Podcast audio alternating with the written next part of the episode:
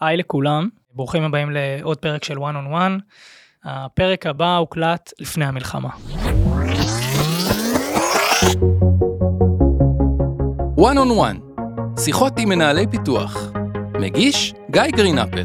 powered by AppsFlyer engineering. ברוכים הבאים לעוד פרק של one on one, פודקאסט למנהלי פיתוח על דברים שמטרידים, מעסיקים ומעניינים מנהלי פיתוח. איתי נמצא היום אורן אלנבוגן, VP Engineering של פורטר, והבעלים של כל מיני פרויקטי צד נוספים ומגניבים כמו Software Lead Weekly ו Manager README. אתה רוצה להגיד עליהם איזה מילה? בוקר טוב. אהלן, בוקר טוב. אה, כן, אז יש כל מיני פרויקטי צד נחמדים. אה, Software Lead Weekly זה ניוזלטר שבועי בימי שישי, אה, עם דברים מעניינים ששווה לקרוא uh, בעיניי. Manager README זה מקום נחמד למנהלי, למנהלים לחשוב שנייה על הפילוסופיה הניהולית שלהם ולשתף את זה עם אחרים, ועם כמובן קודם כל לעצמם, ואולי אחרי זה עם אחרים סביבם. אה, יש את דאון לפט, שזה מין אה, קבוצת תמיכה למנהלי פיתוח בכל מיני דרגות. יש כל מיני פרויקטי צד שאני עושה ב-15 שנים האחרונות ומשחק איתם קצת, בעיקר בשביל אה, ליצור ולזכור שגם אני יכול ליצור ולא רק להיות מנהל. מגניב, אז כן, Software Weekly, אני מנוי כבר, לדעתי מעל שנה. וממליץ בחום. אנחנו פותחים כל פרק שלנו באיזשהו סיפור או רגע נחמד שבו האורח שלנו מגלה שהוא בעצם אה, מנהל ממש גרוע. אה, רגע למידתי כזה נחמד, אז אה, יש לך אחד כזה שאתה זוכר? כן, יש לי אחד שחרוט עמוק עדיין, אני אפילו זוכר את השיחות, אני זוכר את התגובות. זו הייתה הפעם הראשונה שהתחלתי לנהל, כבר כתבתי קוד והייתי מפתח במשך שבע שנים, טיפה יותר, נתנו לי לנהל בפעם הראשונה. זה ה-VPRND שהיה צריך שהצוות יהיה לו מנהל, שזה לא יהיה הוא, ונתן לי את ההזדמנות, אז בעצם הפכתי להיות מעמית, קולגה של שאר החברים בצוות, להיות המנהל שלהם. והרגשתי שמאחר ואני מכיר אותם והם מכירים אותי ואני סך הכל יודע מה אני עושה, אז יהיה בסדר, יהיה טוב. והייתי מאוד מתוסכל, כאילו זה, הייתי בערך בן 22, זו תקופה שעבדתי אינסוף שעות. אמ, וכל פעם שהרגשתי שמשהו לא מתקדם מספיק מהר, או שהם לא מתוסכלים ממשהו שלא לא עובד טוב, או לא באיכות מספיק גבוהה, אז הייתי אומר בסדר, אז יש סופי שבוע ויש לילות, למה לא לעבוד גם אז? וזה מה שהיה קורה, זה מה שהייתי עושה. לפעמים הייתי מגיע ביום ראשון והייתי אומר, היי, פתרתי את כל הדברים שדיברתם עליהם בשבוע שעבר, זה עובד, פשוט ת, ת, תיקחו. וזה לא כך משנה אם, אם עבדו על זה באותו זמן, לא כזה משנה אם עשיתי לפעמים ריברט לדברים שנעשו. אני מבחינתי אמרתי יאללה בוא, בוא נרוץ בוא נתקדם אה, ופחות חשבתי שנייה על הסיטואציה מסביבי. אז לשמחתי הם היו מספיק חמודים וטובים והיה מספיק אה, יחסי אמון טובים בינינו כדי שהם רק ייתנו לי סטירה עדינה אבל אני עדיין זוכר את השיחות עם חלקם על כאילו היי רגע מה אתה עושה תפסיק כאילו זה לא לא לא לשם זה התכנסנו ואנחנו רוצ, רוצים לעבוד ככה. אם זאת הייתה הפעם הראשונה שהבנתי שכל מה שלמדתי בשבע שנים לפני זה לא באמת הכין אותי טוב לתוך התפקיד אולי הכין אותי רע לתוך התפקיד. לתפקיד המנהל הטכנולוגי. אה, והיה לי איזה מין שאלה קיומית בעצם של מה אני עושה אה, בתוך הדבר הזה, אבל היה ברור לי שבאותו רגע שמנהל טוב אני לא, זה גם נאמר אה, על ידי החברים שם במובן הזה שראיתי שהם מתוסכלים והם לא מרגישים שאני מנהל טוב. וזה בעיקר הפריע לי מאוד שאני לא הבנתי בעצם אז מה אני אמור לעשות עכשיו בתוך, בתוך המסגרת החדשה. קודם כל אני סופר מזדהה, אה, עם הסיפור הזה. אני חושב שהוא מאפיין אה, הרבה מנהלים אה, חדשים בתפקיד הראשון שלהם באופן כללי, וזה לוקח אותנו לתוך הנושא שהתכנסנו לשמו היום. אנחנו לא הולכים לדבר רק על המעבר הזה ממפתח למנהל, אנחנו נתמקד במה עושים כשנכנסים באופן כללי לתפקיד בתור מנהל. זה יכול להיות בפעם הראשונה שפגשנו צוות פיתוח ונתנו לנו להוביל אותו, להוביל אותו, וזה יכול להיות um, כבר הצוות השלישי או הרביעי שלנו, או קבוצה, או להיכנס בתור אה, VP Engineering לארגון חדש, ו- ומה עושים בהתחלה, ביום הראשון, בחודש הראשון, וגם uh, בהמשך הדרך. חשבנו שיהיה נכון לחלק את הפרק הזה לשלבים השונים בתוך התהליך הזה של כניסה לתפקיד חדש בתור מנהל. ויהיה נחמד להתחיל אה, ביום הראשון. אז אורן, אתה מתחיל עכשיו תפקיד חדש בתור מנהל, מוביל איזשהו ארגון, איך, איך אתה ניגש לדבר הזה? אני חושב שהדבר הכי, קש, הכי קשה מבחינתי בתוך התהליך הוא אה, להיכנס עם איזה סוג של מפה או איזה תוכנית. כי הרבה פעמים כשאנחנו נכנסים לתוך עולם שהוא יחסית חדש, אז אני יכול לספר טיפה מהניסיון שלי. אה, אני כבר שמונה, עוד מעט וחצי שנים בפורטר, הצטרפתי יחסית בהתחלה, והיה CTO, היה, היו בערך שישה מפתחים, משהו בסגנון הזה, שישה שבעה. היו כמובן founderים, היה CTO, לא אחד מהפאונדרים, העבודה שלי הייתה להבין רגע, אז אוקיי, אז איך אני נכנס פנימה? הרי יש CTO, יש מפתחים, הם עובדים, יש דברים בפרודקשן, אה, זה לא אני המצאתי את זה. ו... ואז השאלה היא עם איזה תוכנית אתה מגיע לתוך זה. אתה יכול פשוט לזרום עם זה, זאת הנטייה הטבעית שלנו, להכיר את כולם, לשאול מה קורה, להבין מה, איך דברים הולכים, להבין מה טוב, מה לא טוב. אה, מהניסיון שלי זה בדרך כלל הדרך המובטחת לא להצליח. למה? בעיקר כי אני חושב שהקושי הגדול הוא להבין שיש מלא מלא, כרגע יש המון אנשים שמסתובבים להם עם כל מיני אה, ציפיות. אם זה בתוך החברה בין אנשים עצמם, אם זה בתוך החברה החוצה אל מול המשקיעים, נגיד הפאונדרים אל מול משקיעים או אל מול לקוחות פוטנציאליים. ואתה נכנס לתוך מקום שהוא הרבה יותר אה, מורכב, אבל מצד שני מקובע בתפיסות של אנשים, נגיד מה ה-CTO חושב שמפתח צריך לעשות, מה מפתח חושב ש-CTO צריך לעשות, מה מנכ"ל חושב ש-CTO צריך לעשות, אז יש לך אנשים שאם אתם מדמיין אותם הולכים בראש עם איזה מין כזה טיבועה מעל הראש שלהם, שיש שם כל מיני מחשבות וציפיות, אה, והן מוגדרות די טוב. הן מוגדרות די טוב, פשוט אף אחד לא שואל אותם את זה כל כך בדרך כלל, אבל הן מוגדרות די טוב, ואתה פתאום נכנס לתוך הבלגן הזה, ואתה אומר בסדר אני פשוט אזרום עם זה.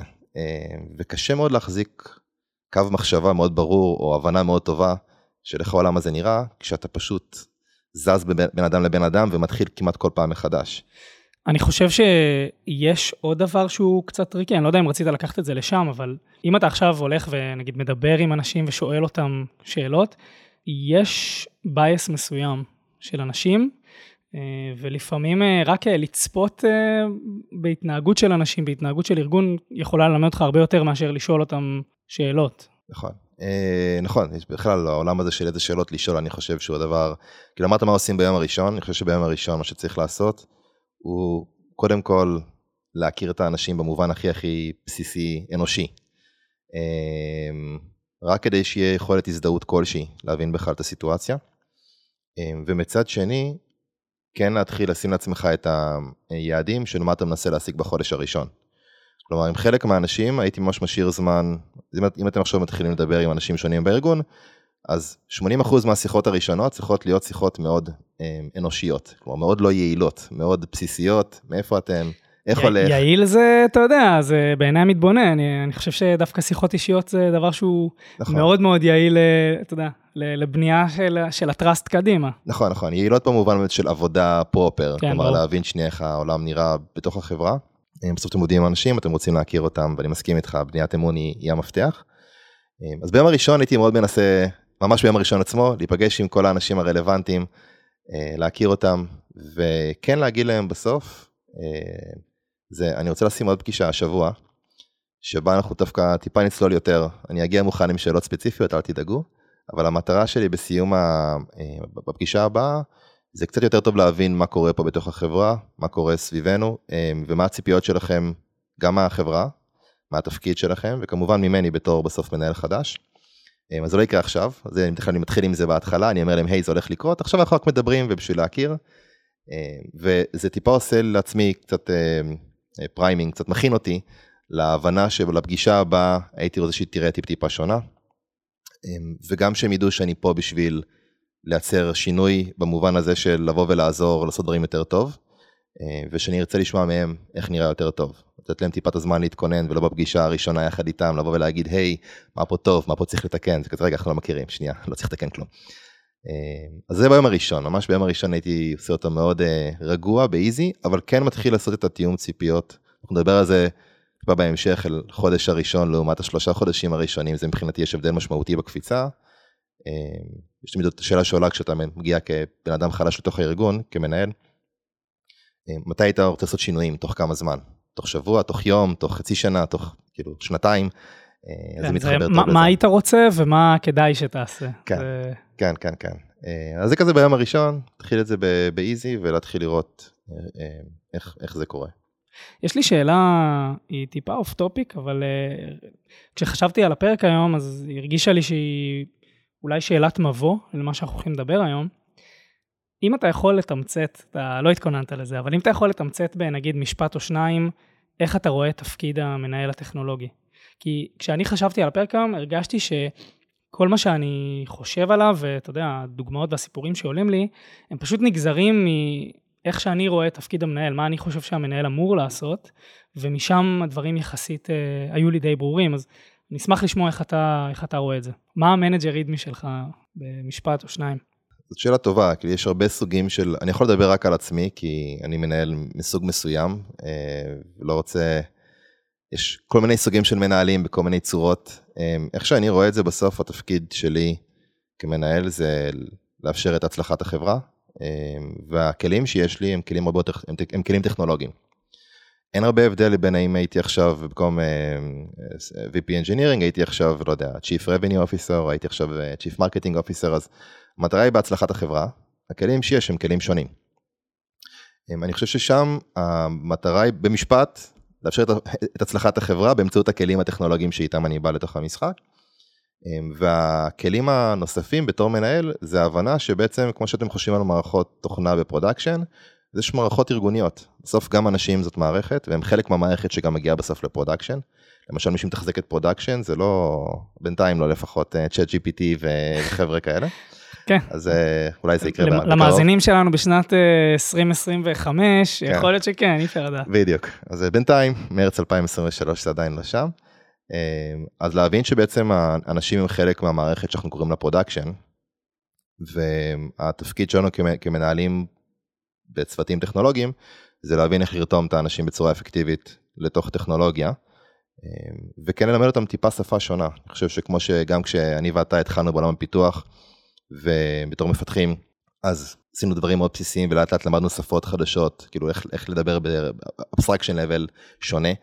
אה, אז גם כמנהלים אנחנו בסוף לומדים, אנחנו מתחילים ב, אוקיי, יש צוות, ואז לומדים דברים בסיסיים כמו טקסים, יש Scrum, יש Kanban, קצת מקביל למפתחים שלומדים על design patterns בפעם הראשונה, או קוראים כל מיני ספרים מהסוג הזה, או מכירים קונספטים מהסוג הזה. אה, ואחרי זה אתה אומר, אוקיי, זה טקסים, או זה שפה, זה נחמד, אבל איך זה נראה בשלב יותר מתקדם, איך זה נראה מה, באמת. מה ה hands-on של, ה... של הדבר הזה? כן, מה ה hands-on או, או איזה עוד רמות אבסטרקציה אני כרגע לא מבין שבכלל יש. אמ, כי הטריוויאליות הן טריוויאליות, במובן הזה שאם אני עכשיו מנהל מפתחים, אז יכול להיות שאני אחשוב שה abstraction level החדש מבחינתי הוא אה, צריך טקס כמו איך עושים planning, איך עושים execution, איך עושים release, אה, איך אנחנו עושים דמואים, איך עושים retrospective. אז זה יראה מאוד מיידי כאן ועכשיו, קצת כמו למפתחים בשנה השלישית, רביעית, חמישית, שמתחילים לה, להכיר כל מיני קונספטים שהם לא רק תכנות proper, אלא, אה, לא יודע, דברים כמו design patterns, או אה, איך מסתכלים על אה, circuit breakers, canary deployments, blue green, מיליון שמות שאפשר להגיד. ואז השאלה, אוקיי, מה השפה שהמערכת שלי רצה על לא כמה בודדים, מחשבים בודדים או עשרות, אלא על מאות, על אלפים, על עשרות אלפים, אז מה, מה הפסק של נבל עכשיו שמתאים?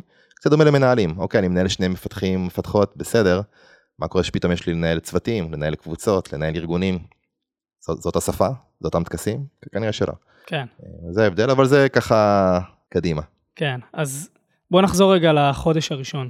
כן. דיברנו על, אה, אוקיי, להתחיל להכיר את האנשים, לייצר את החיבור האישי, לייצר את הטראסט הזה. אני באמת אה, סופר מסכים. אני חושב שזה הבסיס בכלל להתחיל לדבר על יחסי עבודה ועל לדלבר ועל לגדל את האנשים.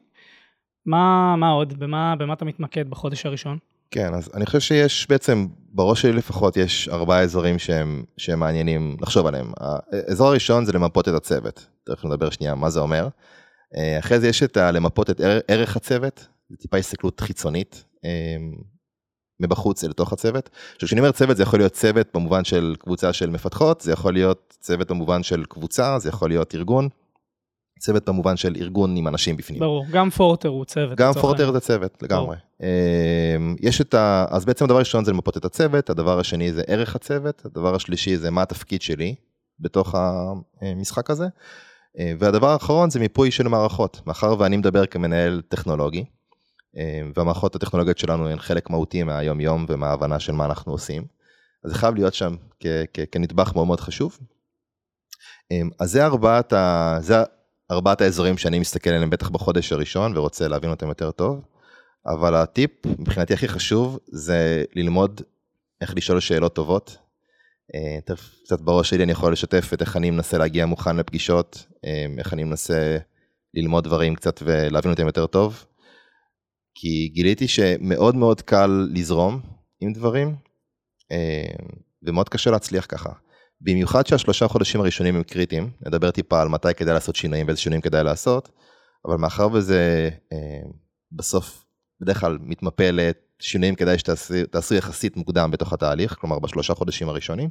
אז עולה השאלה איך, איך אנחנו מצליחים באמת להבין מה קורה בתקופה כל כך, כל כך קצרה, גם אם זה ארגון שהוא כבר קיים, אה, לא מעט זמן לפעמים. רק אני, אני רוצה לוודא שאני מבין את הנקודה, אתה אומר, אם אני רוצה בשלושה חודשים הראשונים להתחיל לדבר על שינויים ולשפר ולהזיז דברים, כן. אז אני צריך בשלב הראשון, כבר בחודש הראשון, להתחיל להתמקד בשאלות יותר נקרא לזה מדויקות, כן. או כאלה שיובילו אותי לתובנות, ולא להסתפק במה שלומך, מה נשמע, איך בצוות, איך בחברה ודברים כאלה, נכון? כן, בדיוק, בדיוק. אז איזה שאלות למשל אתה רואה כשאלות מפתח כאלה? כן, אז נגיד בוא נחשוב על, על מיפוי הצוות. כן, אז יש את הדברים שהם יחסית טריוויאליים, של להבין שנייה, אוקיי, מי הם החברים בצוות, האם יש חלוקת אחריות וסמכות כלשהי כיום, אבל את הדברים האלה אתה מגלה בשאלות, או שאת הדברים האלה אתה מגלה ב... לא יודע, לדבר עם המנהלת שלך החדשה, או לדבר, או... או... את זה אתה מגלה באיפה? אז, איפה? קודם, אז קודם כל מתחילים בעיניי עם הצוות עצמו. כי אנחנו נדבר על זה הרבה שהמטרה הגדולה היא להבין פערים בתפיסות של אנשים. זה בעצם התובנה בעיניי הכי משמעותית בתוך התהליכים האלה, זה שיש אנשים עם אותו בלון מעל הראש, מסתובבים להם אה, וחושבים על דברים, והתפקיד שלנו זה קודם כל להבין אם יש פערים. אם כולם מסונכרנים אומרים אותם דברים זה מושלם לא ראיתי אף פעם כזה בחיי. אה, אבל היינו רוצים שנייה לשבת יחד עם האנשים בצוות ואז השאלות הבסיסיות זה מה קורה מאיפה אתם אה, איך הולך תספרו טיפה על עצמכם. נניח שהפגישה הזאת סך הכל הלכה במקום שהוא אתם מייצרים לעצמכם הבנה של האנשים שמות. וקצת רקע עליהם מאוד מאוד חשוב.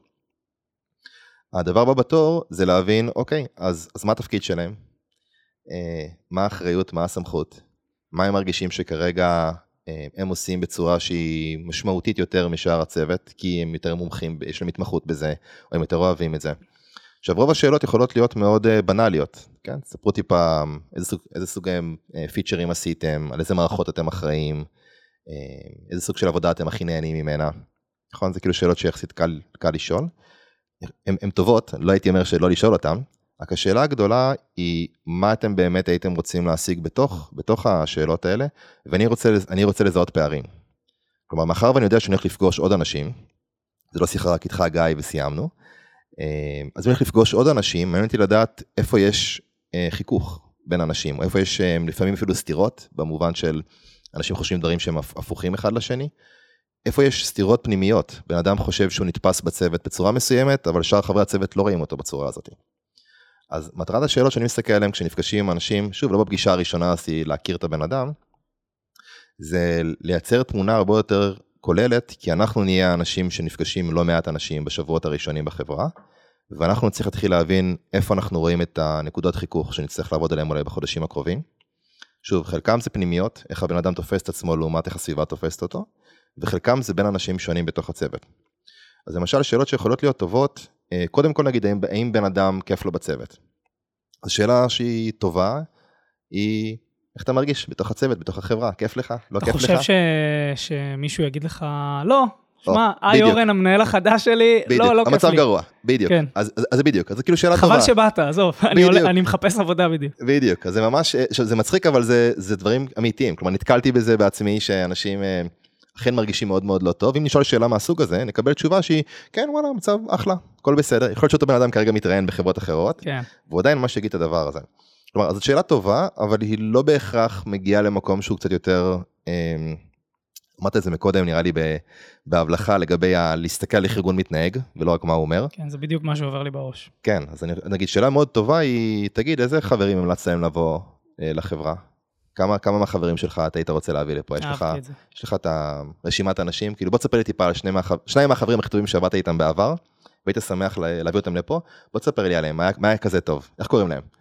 אמ, עכשיו, יש הבדל גדול בין אנשים, פה מה שאני בעיקר רוצה לראות זה את מהירות התגובה. כן, כי ברגע שבן אדם באמת מאמין במשהו, אז הוא יפלוט את זה בשנייה וחצי. אה כן, ברור, יש את, אה, את איתי, ואיתי מדהים. אה, ותשמע, בחברה הקודמת הוא הבן אדם שהרים את כל המערכות שקשורות ל-X, וזה מה שאנחנו בדיוק צריכים בחברה. אה, והוא קסם של בן אדם, והוא כיפי, והוא מחבר את הצוות, והוא, והוא מדהים. רק שאלתי אותו שנייה מי השני האנשים שהוא מאוד מאוד היה רוצה להביא לחברה ו, ו, והוא מיד פולט אותם, אז זה אומר שהוא חושב על זה. אם הוא מתחיל להגיד, או, שאלה טובה, מי באמת הייתי מביא לחברה? רגע, אבל זה לא... זה לא מעלה לך איזושהי תהייה למה הוא לא הביא אותם עד עכשיו? או כן, אבל... הוא לא עשה עם זה משהו? רגע, אז אני, אני קודם כל מנסה למפות שנייה בכלל האם הוא רוצה להביא אותם. אז אני חושב שבן אדם שרוצה להביא את החברים שלו כבר חושב על זה, זה אומר שהשמות נמצאים אצלו איפשהו בסטייק בראש. אה, בן אדם שלא רוצה להביא את החברים שלו, אני לא בטוח כל כך שלשאול אותו עכשיו למה הוא לא הביא אותם, זה יעזור הרבה, הוא כנראה לא כל כך רוצה. שתכף נבין איך מבינים את זה במובן של לשאול שאלות על זה, אבל זה כנראה, זה כנראה המצב היום. אז הייתי שואל, מי השני חברים ש... שהיית רוצה להביא לפורטר, בוא תספר לי, תכיר לי, זה גם נחמד להכיר אותו, את הבן אדם שאני כרגע מדבר איתו, לראות מה גם גורם לו לחשוב שבן אדם הוא מעולה. כן, כי זה ייתן לי עוד פעם אחרי זה יכולת לראות סתירות בין דברים. למשל יכול להיות שבן אדם יגיד, הוא יודע להרים מערכות, להרים מערכות ל production בצורה מדהימה, אה, ואני סופר אוהב אצלו שנגיד אה, הוא גם יודע לחבר מאוד מאוד טוב את הצוות, ואז לשאול אותו למה זה בעיניך כזה חשוב לחבר את הצוות, כי אני שומע אולי, אולי הצוות לא מחובר עכשיו, זה מה שאני שומע. הוא לא אמר את זה, אבל יכול להיות שזה מה שאני כאילו אומר, זה למה אני רוצה להביא אותו, כי אני יודע שאם אני אביא אותו, אז יהיה פה צוות שיעבוד הרבה יותר טוב ביחד. ברור. אמ, אז המטרה הראשונה היא קודם כל לראות כמה מהר הם פולטים את התשובה. כן? אם זה לאט, זה, זה סימן. שוב, האם זה קטסטרופה? לא, אבל זה סימן. אמ, אז אני אגיד שאלה, שאלה ראשונה בראש שלי, להתחיל לזהות סתירות ולהתחיל לזהות איך אנשים תופסים את הדברים, זה מי זה האנשים האלה שהייתם רוצים להביא אותם לפה, מה כזה קסום בהם. דרך אגב, מאחר ואין פה שום פוליטיקה ארגונית פנימית, אז הם ישמחו לספר עליהם הכל, כן? כי בניגוד להגיד איך, איך בתוך הצוות ומה אתם חושבים על, אה, על אורן שיושב שם, פה זה כבר, אוף, מה להגיד לו, לא להגיד לו, כמה להיות, לפתוח את זה עכשיו, כמה לחכות עם זה, כי זו שיחה מורכבת. אה, זה אנשים מבחוץ, וזה מייצר מבחינתי יכולת טיפה לגעת בנקודות כמו, רגע, תגיד, אמרת שהוא מחבר טוב את הצוות, זה מבחינתך ערך, כאילו, נשמע שזה ערך נורא נורא גבוה ונורא נורא חשוב. איך אתה מרגיש עכשיו, נגיד, שמי מי עושה את התפקיד הזה בתוך הצוות? עכשיו שוב, אם הוא חשב על זה קצת, אז הוא אומר, לא, מיד, זה יוני, יוני עושה את זה מדהים. אה, ואם הוא אומר, אמ, שאלה טובה, לא יודע מה התשובה, אני מרגיש שהצוות עובד טוב ביחד, אבל אני לא יודע אם יש לנו כזה. שוב, יכול להיות שזה מין סתירה, יכול להיות שפה צריך להסתכל על העולם הזה בחשדנות, אבל זה סוג השאלות שהייתי רוצה לנסות לשים אותם על השולחן בתור, אפשר לדבר על כל מיני סוגים של שאלות נוספים שאפשר אה, לחשוב עליהן. אתה לא חושב אבל שיש איזשהו ריסק, שוב, אני, אני כן מתחבר לסגנון השאלות שהן שאלות של אה, מה עשית בעבר ואני אלמד מזה, אל תגיד לי מה תעשה בעתיד ו- ו- וכולי, אבל יש איזשהו ריסק בזה שהמפתחים, שה- המפתחות שלך, או לא משנה, כל מי שאתה מנהל אותו, אולי טיפה ייבהל מהעובדה שאתה עושה אינטרפרטציה לכל דבר שהם אומרים. כלומר, אתה יודע, שאלת אותי, מה שלומך הבוקר? אני אומר לך, נהדר, ואתה אומר לי, אה, אוקיי, נהדר, אז אתה עכשיו מתחיל להסיק מסקנות, לא יודע כן. מה, אה, כי שמשי היום, אז אתה אוהב שמש, כן. או דברים כאלה, אתה מבין? כן. שאלה אם זה לא מייצר איזשהו ריסק ב, ביחסים, בטח בשלב כל כך מוקדם, ואם זה לא עלול דווקא לגרום להם טיפה לעדן את ה... אתה יודע, לעדן את המטה, כאילו, ו, ולחשוב אולי כמה פעמים לפני שהם אומרים לך דברים בהמשך. זאת שאלה ממש טובה, אני לא יודע אם יש לי תשובה מאוד מובהקת לזה, כי אני מאוד אוהב להיות אותנטי. אה... ואני מרגיש שאם אנחנו נהיה באמת השיחות כל הזמן, אז יהיה מאוד קשה להתקרב. אה, אז אני בדרך כלל מנסה להרגיש שאני, אני אומר לעצמי, שבאמת חשוב לי להבין, באמת חשוב לי לבנות צוות טוב, באמת חשוב לי מהאנשים מסביבי. אה, קשה לי לחלוטין לדעת איך אנשים ינתחו את מה שאני אומר. וגם פה דרך אגב, אני הרבה יותר גרוע מזה, וככל שאני יותר מתבגר ועושה את זה יותר שנים, אני מרגיש שאני עוד יותר גרוע בזה, לא יותר טוב בזה. אה, כי אנשים נורא נורא מורכבים. אז אני מנסה לא לחיות יותר מדי בתוך זה. אני יודע שזה קיים, כלומר אני, אני מבין שבן אדם עכשיו שואל, שומע את השאלות שאני שואל, שואל את עצמו למה הוא שואל את השאלות האלה, איך להגיב לו, אבל זה לא משנה מה אני אשאל אותו ומה הוא יענה, זה עדיין מה שיקרה בראש של הבן אדם. אפשר לדבר על זה גם כן דרך אגב, על איך מתכוננים אה, בהמשך לתוך המקומות האלה של להיות פחות מופתעים, מה אנשים יגיבו לי, שאלתי שאלה אם הם יגיבו בצורה מסוימת, איך אני לא נכנס איתם לתוך הניתוח הזה. אה, משהו נחמד שעשיתי, אני עושה כבר הרבה מאוד שנים, זה מאוד מאוד עוזר לי נקרא בזה סתם כנקודה. בדרך כלל פעמים ששואלים שאלות, אז המוח שלנו, גם בשיחה עכשיו יש שני דברים שקורים, אני מדבר, אתה בינתיים מקשיב, יש חלק במוח שלך שחושב מה אתה חושב על מה שאני אומר, יש חלק במוח שלך שחושב מה להגיד חזרה, אה, ויש חלק השלישי שמסתכל על שני הצדדים ושואל את עצמו מה קורה פה במטה, כן? בתוך את כל התהליך הזה. למה אני כל כך ממהר להגיב? למה אני לא אוהב את מה שהוא אומר? למה אני כן אוהב את מה שהוא אומר? והצד השני במוח אומר, רגע, בוא נגיד לו שנייה, אתה יודע, שגם לי זה קרה בעבר, בוא נגיד לו שנייה שאני לא מסכים איתו בכלל. והצד השלישי חושב, רגע, למה אני, מה, מה אני עושה פה בתוך כל הדבר הזה? אה, אז דרך מאוד נחמדה שיצא לי בעבר להשתמש בה, כשאני שואל שאלות מורכבות, אז אני בדרך כלל חושב, מה אתה תענה לי? מראש. אני אומר, כי אני שואל את גיא שאלה מורכבת, לאן השיחה יכולה ללכת משם? גיא יכול להגיד את זה, אוקיי. כשהוא יגיד את זה, מה אני רוצה להגיד לו? ואז אני אתן מין כזה עץ של שאלות ותשובות, והעץ הזה הופך להיות שלכל תשובה יש עץ חדש של שאלות. אה, זה נשמע מגוחך, אבל תזכרו שהמוח שלנו, אנחנו מספיק חדשים בתעשייה, ובטח מספיק חדשים כבני אדם שיש להם אשכרה טכנולוגיה אמיתית, אה, והמוח שלנו הרבה יותר עתיק מזה, אז ה-flight or fight, היכולת שלנו כאילו לראות אינפורמציה חדשה ולהגיב כאילו חיינו בסכנה. שחיינו יכול להיות ברמת ה... להביא כסף הביתה, או להיות אה, מישהו שהם מעריכים אותו ואוהבים אותו כחבר צוות. אז המוח שלנו כבר בנוי להגיב מאוד מאוד מהר לסיטואציה. זה, זה המוח שלנו, הוא ככה בא מהבית בחינם. אז התפקיד שלנו הרבה פעמים, אני מרגיש לפחות, זה שאם אני מדמיין את השיחה בראש, היא רק עוזרת לחלק במוח שלי, רגע, תירגע, כאילו, היינו בסרט הזה, חשבנו שאולי זה ילך למקום הזה, לא צריך להגיב פה בפאניקה, אני לא צריך לאלתר, במובן הזה של לאלתר 100%, אני יכול לאלתר רק ב-30% או 40%, זה לא אפס, אבל גם בשיחות הזה שאתם עושים עם אנשים, יש, יש, יש מוטיבציה שתגיעו עם סט של שאלות שאתם הייתם רוצים להגיד. דרך אגב, לחזור לאותן שאלות עם כל חברי הצוות. כן, נגיד, אה, איזה אנשים אתה היית רוצה להביא לחברה? ספר לי טיפה עליהם. אה, הבאת אותם, הם פה, או הם, הם בדרך לפה? זה כדאי מאוד שיהיה לך baseline שתוכל לשאול את אותם שאלות את כל חברי הצוות. עכשיו בראש שלכם תנגנו את המשחק של מה קורה אם הם עונים ככה? לא, אני עוד לא מרגיש בנוח. או, אוקיי, אני רוצה לפתוח את זה עכשיו איתו? או שאני לא רוצה לפתוח את זה עכשיו כי זה מוקדם מדי. אז אה, איזה, איזה תשובה אני רוצה להגיד לו עכשיו. עכשיו, אם אני אגיד לו תשובה שהיא אולי קצת אה, מלחיצה, יכול להיות שהוא יקרא אותי בתור, או רגע זה לא טוב, אולי גם הוא לא טוב. עכשיו, אני יכול לדמיין את כל השיחה הזו בראש, כן? כשבן אדם בא ואומר לי, כשאני שואל אותו איזה חברים היית רוצה להביא לכאן, אז הוא אומר, אני לא מרגיש בנוח להביא לפה חברים כרגע. משפט נורא חזק. הבן אדם בצד השני מבין את זה שזה משפט נורא חזק. ואז השאלה החשובה היא, אז איך אני מגיב לזה? אז אני יכול לזרום עם זה, ולקוות שאני מאלתר טוב, אני לא מאלתר טוב. אמ, או לפחות הייתי רוצה להאמין שאני לא מאלתר טוב, זה מייצר לי תחושת נוחות מאוד טובה בלחשוב על זה לפני. אז סתם דוגמה, כשאתם מגיעים שאלות, זה בעיקר לוודא שאחד השאלות אתם מבינים מה אתם מנסים להשיג בשאלה. אז מבחינתי אני מנסה להשיג סתירות, אני מנסה, לה... או friction, נקודות חיכוך, אני מנסה למצוא פערים, אני רוצה לראות איך אנשים שונים מגיבים לאותה שאלה, זו הנקודה הבאה, של שאלות דומות לאותם אנשים, ולא כל אחד לבנות תסריט אחר. והדבר השלישי זה שיש לי עץ מסוים בראש שאני חושב עליו, לאן השיחה יכולה ללכת, ואז זה עוזר להיות בשליטה, במובן הזה שהמוח שלי לא צריך להיכנס לסטרס הזה של המטה, מה הוא ענה, מה אני עונה, איך הוא תפס את מה שאמרתי עכשיו, הוא, אני רואה שהוא יושב אחורה, הוא דיסנגייג' עם השיחה, כי אמרתי משהו שהוא טיפה חזק מדי, אני רואה שהוא טיפה שם, הוא משלב ידיים, מה זה אומר? אז כאילו, המוח שלי כבר דמיין את הסיטואציה. אמ, אז לפחות באזורים האלה, זה בהחלט, בהחלט עוזר. וזה מה שאני עושה בהתחלה, ממפה את הצוות, להבין איך אנשים עובדים, אז שאלות נגיד טובות גם, באיך אנשים מתנהגים ולא איך אנשים חושבים, זה איך, אה, היום כשיש תקלה ב production, למי הולכים? כל חברי הצוות? מישהו ספציפי? זאת שאלה שאתה שואל או שזה הבחנה שאתה רואה? אז אני גם רואה, אבל אם אני עכשיו בפורטר נגיד, שהצטרפתי פחות משבוע, אז אני רוצה לשאול, אני רוצה לדעת איך אנשים מגיבים. עכשיו חלק מהאנשים יגידו, באים אליי, חלק האחרים יגידו, לא, באים אליי. עכשיו, אני לא אומר מה אחר אמר, אני רק שומע מה הם אומרים. ברור. אה, חלק יגידו, זה נורא תלוי, באזור הזה דווקא לבן אדם הזה, ולאזור הזה דווקא לבן אדם ההוא. שאני יכול לשאול את ה-CTO, הוא יגיד, אה, לאף אחד מהצוות, רק אני עושה את זה. עכשיו, זה לא כזה משנה, אבל המטרה מבחינתי, שוב, לשאול את השאלות האלה, להבין רגע איך אנשים בסוף מתנהגים.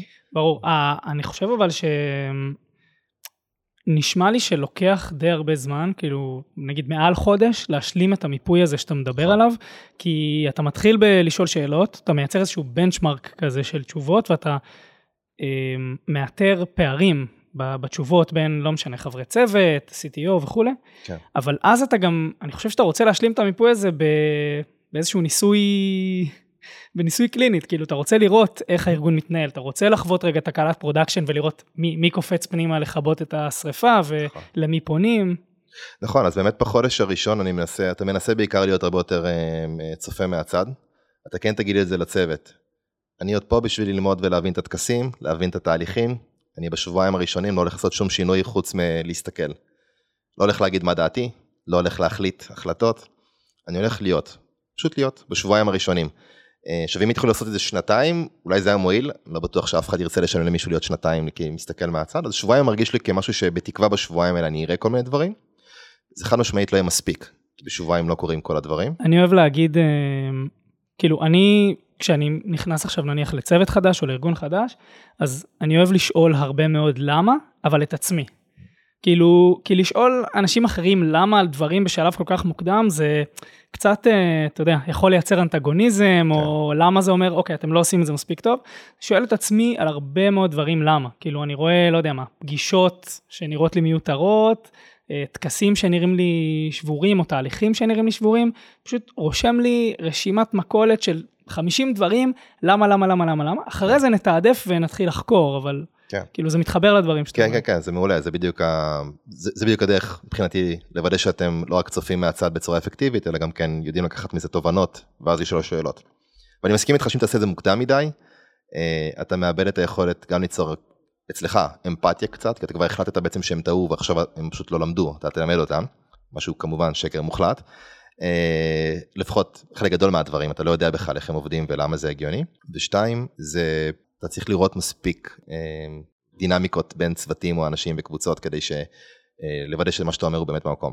אז אני לגמרי מסכים איתך. לרשום את, לרשום את המסקנות ואת התובנות אה, מהסתכלויות שאתה רואה, דבר סופר חשוב. אז זה ככה המיפוי של הצוות. אמרו לכם רשימה של האנשים בצוות, איך אתם בינתיים תופסים את הדברים המעניינים שהם אומרים, את התובנות, זה יכול להצטרף לכל מיני דברים שאתה, כמו שאתה אומר, כל מיני פגישות שיש, כל מיני טקסים שיש, לראות איך האנשים האלה מופיעים בהם. טקס גם יכול להיות טיפול בבעיית production, כן? אה, זה גם סוג של טקס, קצת פחות אה, אולי עם cadence קבוע, אבל אתם תראו שהוא מתנהג בצורה הרבה פעמים מאוד שחוזרת על עצמה. איך אנשים מתקשרים, איך הם מגיבים, איך הם נלחצים או לא לחוצים. אה, אז זה כאילו, זה, זה הנקודה הראשונה בעיניי ברמת מיפוי הצוות, ואז אתם יש לכם מיפוי בסיסי, הוא פנימי. הדבר הבא בתור מבחינתי זה, זה ערך הצוות. ערך הצוות בעצם מנסה להבין את איך העולם החיצון מסתכל על הצוות. רק אה, נקודה קטנה לפני שאנחנו ממשיכים לערך הצוות, אה, משהו שכזה חצי דיברנו עליו וחצי לא בהקשר של מיפוי הצוות, slash אה, תקלות production ובאופן כללי production, משהו שאני אוהב לעשות ב...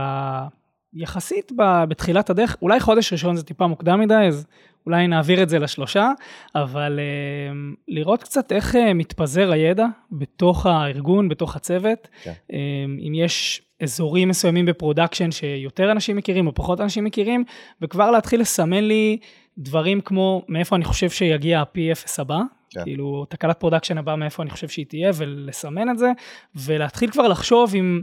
אתה יודע, אולי יש אנשים שאני רוצה לייעד, אה, מפתחות שאני רוצה לייעד לאזורים מסוימים ב production, וזה משהו שגם אני כאילו מתחיל לחשוב עליו, כמובן שאני עוד לא פועל בשלב הזה, אבל אה, זה עוד איזה נקודה כזה יחסית ב... בחודש, חודשיים הראשונים. נכון, מסכים, זו נקודה טובה. אה, בדרך כלל בחודש הראשון עוד קשה להגיע לעבוד על זה, כי אנחנו עדיין בשלב ה...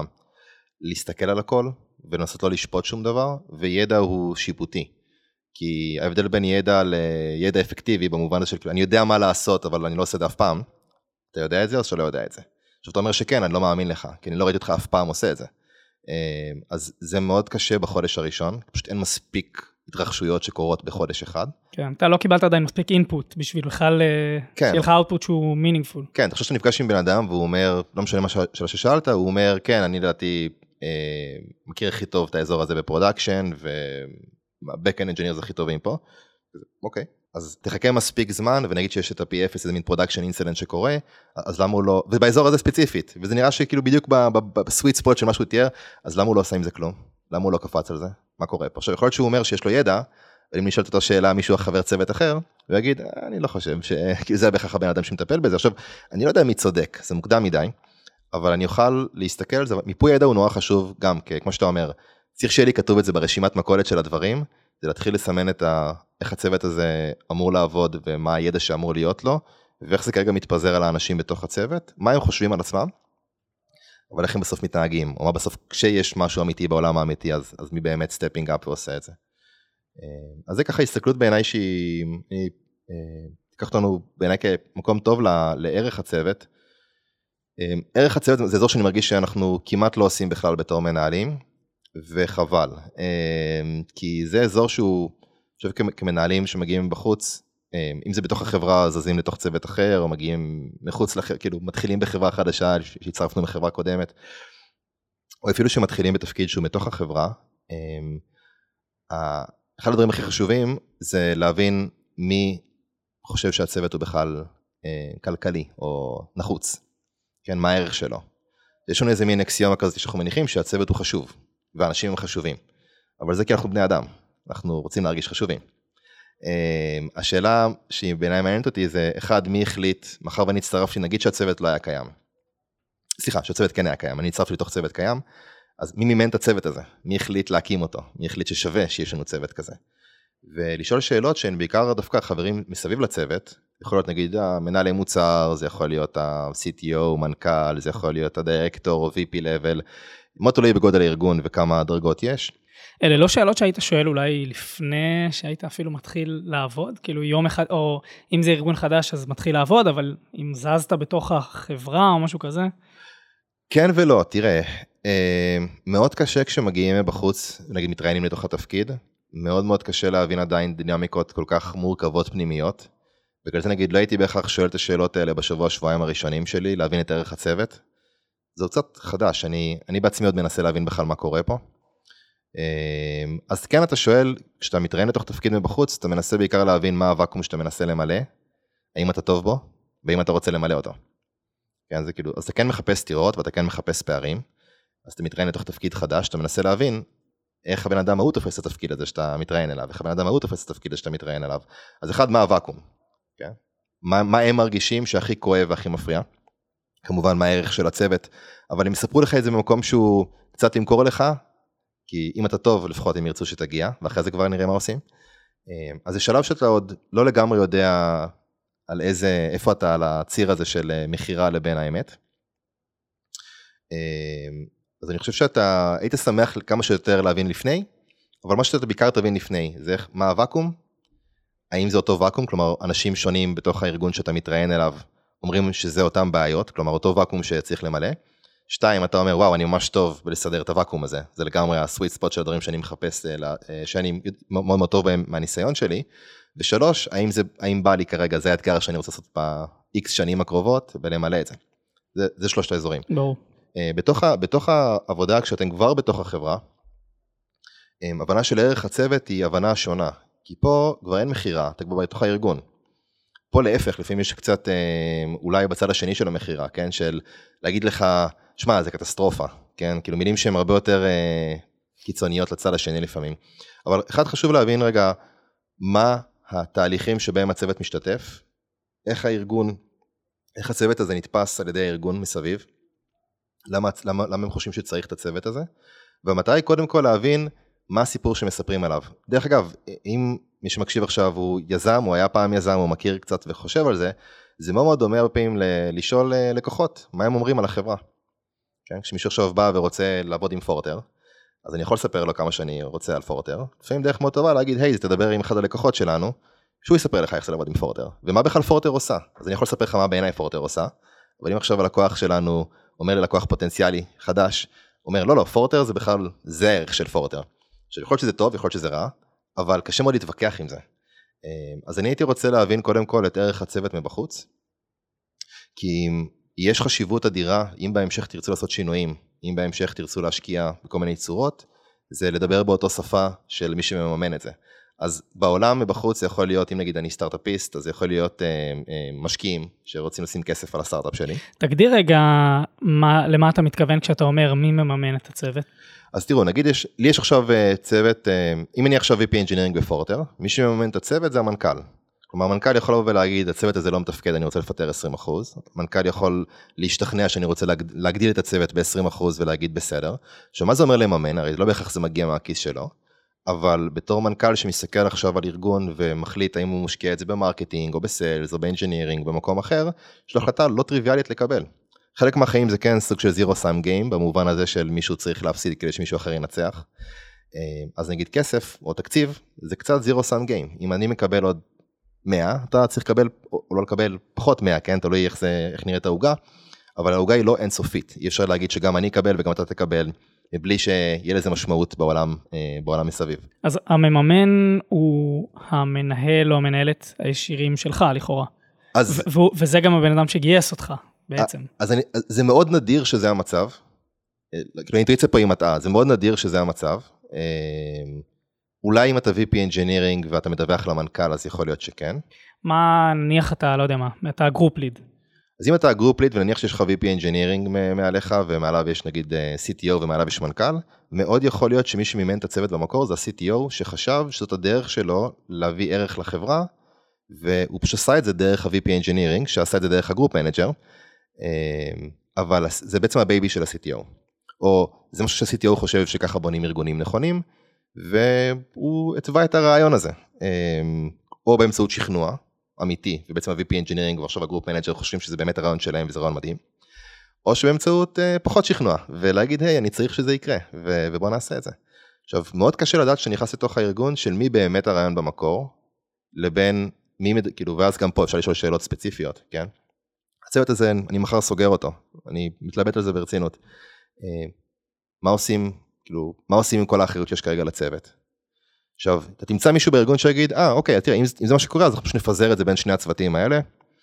אה, לבין, מישהו, לבין מישהו בארגון שיגיד, רגע, השתגעת, מה פתאום, אתה לא, מה, מה אתה עושה? כאילו, עצור רגע, לא. זה צוות קריטי, אנחנו ממש חייבים אותו, זה אולי הצוות הכי חשוב בקבוצה או בארגון, או לא משנה איך נסתכל על זה. עכשיו, אני רוצה לשמוע, ולא, גם פה, לא בטוח בהכרח שה group manager או ה-VP Engineering או CTO יראו את זה עין בעין, אבל אני רוצה לשמוע איך אנשים מגיבים לשאלות האלה של מה תפקיד הצוות בעיניכם. אם היינו עושים שינויים מרחיקי לכת בצוות, טיפה reorg, אה, מה הייתם עושים עם זה? עכשיו, כשאני שומע אנשים שמדברים בביטחון על פירוק והרכבה מחדש, הנטייה שלי לחשוב, אחד זה שהם כמובן מכירים מספיק טוב את הפרטים, שתיים שלא בטוח שהם מעריצים של הפורמט. עכשיו יכול להיות שזה בא מעל הראש שלהם, יכול להיות שזה אפילו היה שלהם, אבל הם אומרים אתה הסיכוי של, אתה הסיכוי שלי, הבאתי אותך לפה, כי אני אישית דקה לפני לפרק את הדבר הזה. אולי אתה, אתה תתקן את זה בשבילי, אבל הרבה פעמים הניסיון שלי זה, זה בעצם לפעמים זה משהו שבא יותר מגבוה, בתוך הארגון, אמ, ואני ניסיתי ואמרתי בסדר בוא, בוא נבדוק, וגם אני מרגיש שזה לא עובד ואני מנסה לשכנע את הארגון ששווה לעשות תיקונים. אז ערך הצוות פה הוא, הוא קריטי, כי אתה רוצה להבין שנייה איפה, איפה הצוות הזה באמת מייצר ערך, ואיך האנשים שונים בתוך ההיררכיה תופסים אותו, אה, כי יהיה לך מאוד קשה לבוא עם בקשות, דרישות, אה, סיפור שאתה רוצה לעשות שינויים, כשאתה לא מבין בכלל איך אנשים יגיבו למה שאתה אומר, כי אתה חשבת שכולם מתים על הצוות וחושבים שהוא הדבר הכי טוב בעולם, ואתה מגלה, מגלה שדווקא הרבה חבר'ה בכירים יותר בארגון מסתכלים על הצוות כצוות זמני, כצוות שלא אמור להיות קיים בעוד שנה מהיום.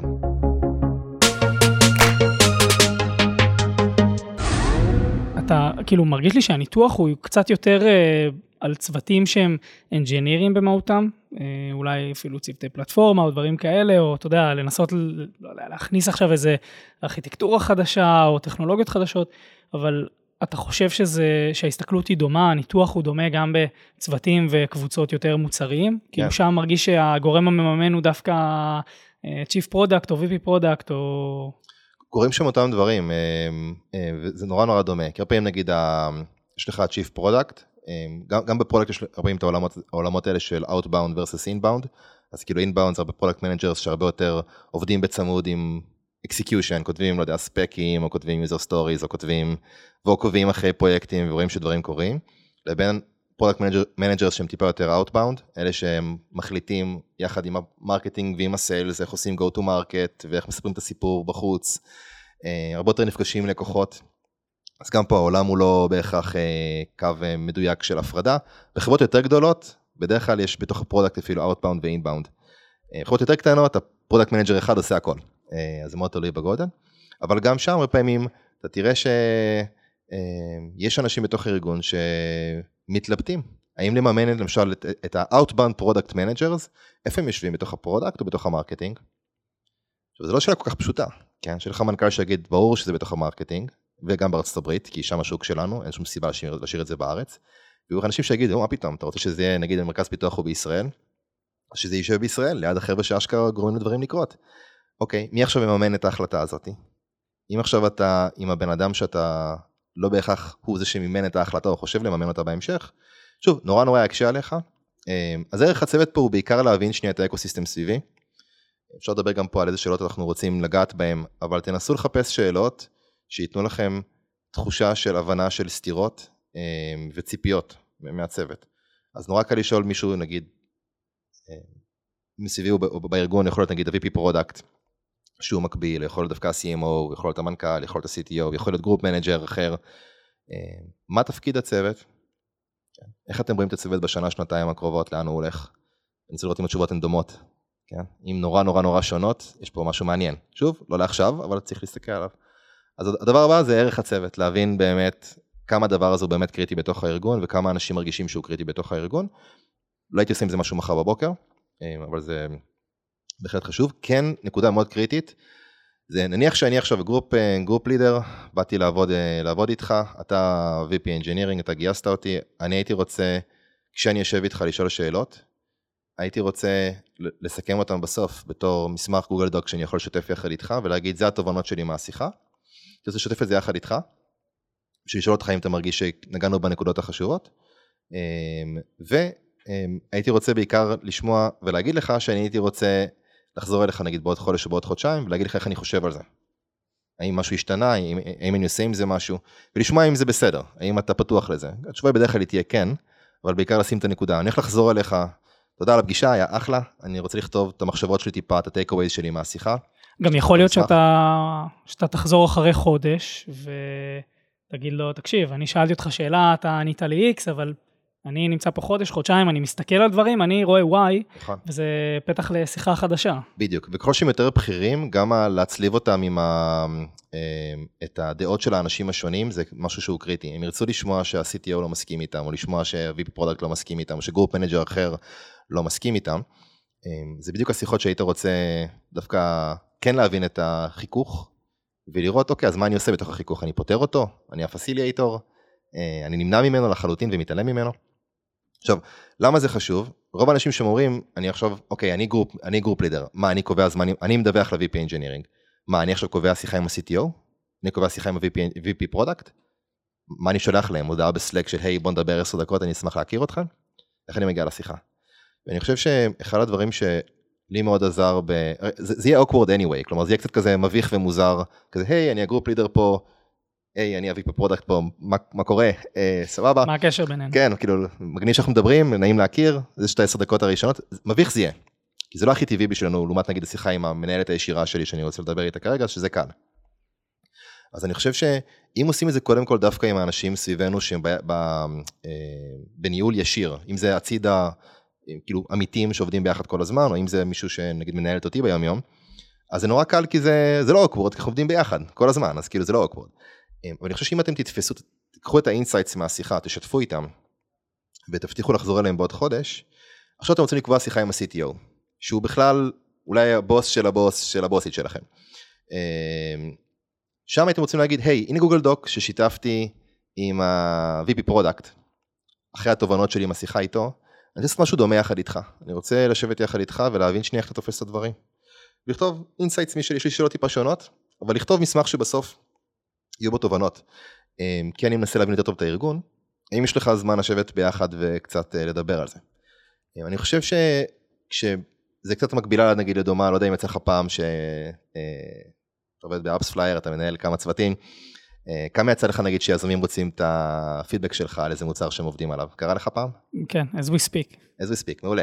אז רואים, הדבר שאני אומר להם זה, גם, גם, גם כשעושים את זה בשבילי, אני אומר, בשמחה, אני אשמח לקרוא גוגל דוק של one pager ששואל, שעונה על למה אתם רוצים לדבר איתי. איך המוצר שלכם קשור אליי? למה דווקא אני מעניין? סתם בן אדם בעולם, למה דווקא הדעה שלי היא חשובה? אוקיי, יש לי תפקיד בחברה, אבל יכול להיות שהמוצר שלכם לא רלוונטי בכלל לפורטר, אז למה, למה אני צריך להיות uh, בשיחה? עכשיו, זה פוסל בערך 90% מהאנשים, במובן שהם פשוט לא עושים, אומרים, לא, לא, תודה, כשאנחנו נהיה יותר גדולים אז אני אדבר איתך שוב. זה בעצם אומר לי שהם סתם עשו spray and pray, כאילו פשוט ירו לכל הכיוונים וקיבלו שמישהו יגיד להם, בוא ניפגש. אז גם פה כשה-CTO ירצה נגיד להיפגש איתך, ואני בכלל לא מדווח ל-CTO, אני מדווח שלוש דרגות למטה, אה, והוא יראה שאני חושב על זה, ולקחתי את הזמן לכתוב את האינסייטים שלי, ואני יכול להגיד לו שאני מצפה בעוד חודש-חודשיים לחזור אליו עם מסקנות, אז הוא יגיד, אוקיי, הבן אדם הזה רציני, כאילו, בוא נדבר חצי שעה, שעה. למה? כי יכול להיות שיהיה כל מיני דברים שגם הוא ירצה לדחוף בעתיד, והוא יכול להיות שהוא יראה אותך בתור פרטנר מעניין. שוב, לא מחר, אולי בעוד שנה, אולי בעוד עשר שנים, אבל... זה אבל גם חלק יקרה. קצת מהנטוורקינג שלך בתוך הארגון. נכון. אבל אה, סבבה, אז דיברנו על, שלב ראשון דיברנו קצת על אה, למפות את הצוות, דיברנו על הערך של הצוות. נכון. מה, מה עוד מבחינתך צריך לסגור את החודש הראשון בתפקיד? כן, אז השל... שני דברים האחרונים זה בעצם מה התפקיד שלי בתוך זה. אה, ושאלת על זה קצת מקודם לגבי מה התפקיד של מנהל. אה, אז פה אתם צריכים לדעת לשם מה הביאו אתכם. אז דיברנו על זה בתהליך שלה, שהתראיינתי לחברה, ניסיתי להבין מה הוואקום שאנשים מצביעים אליו, והאם אני רוצה, אם אני יכול למלא אותו, והאם אני רוצה למלא אותו. אה, אז פה בתפקיד שלי אני רוצה לדעת, אוקיי, האם אני מבין באמת מה היתרון היחסי שלי אל, חברי, אל מול חברי הצוות, או אל מול הארגון שסביבי? האם הם רואים את זה באותה צורה? כמה חופש פעולה יש לי לבצע פה את השינויים, אז אני רוצה להתחיל לגעת בזה. אז הנקודה השלישית פה, אז התחלנו במיפוי הצוות, יצאנו החוצה מהצוות החוצה, להבין מה קורה סביב הצוות. הנקודה הבאה זה איך אני בתוך הפאזל הזה, מה התפקיד שלי פה, מה אני רואה אחרי, בחודש הראשון, שאני יכול להביא ולעזור בו די מהר. אה, דרך אגב, מנהלים, אני חושב כבני אדם, באופן כללי, היינו רוצים לתת ערך. ואחת הסכנות הכי גדולות, אחת הסכנות זה להרגיש שאני כבר פה חודש ואני לא מבין מה אני נותן. אני חושב שזה ה-דלאפ שלנו להיום, לא? כן, כאילו... דלאפ, דעה לא פופולרית. אני חושב שזאת, אה, כאילו, מצד אחד אני מתחבר, מצד שני, זאת כן גישה קצת אה, כמעט קיצונית, שאתה מצפה לייצר ערך בתוך, אתה יודע, חודש בארגון, חודש וחצי בתוך הארגון.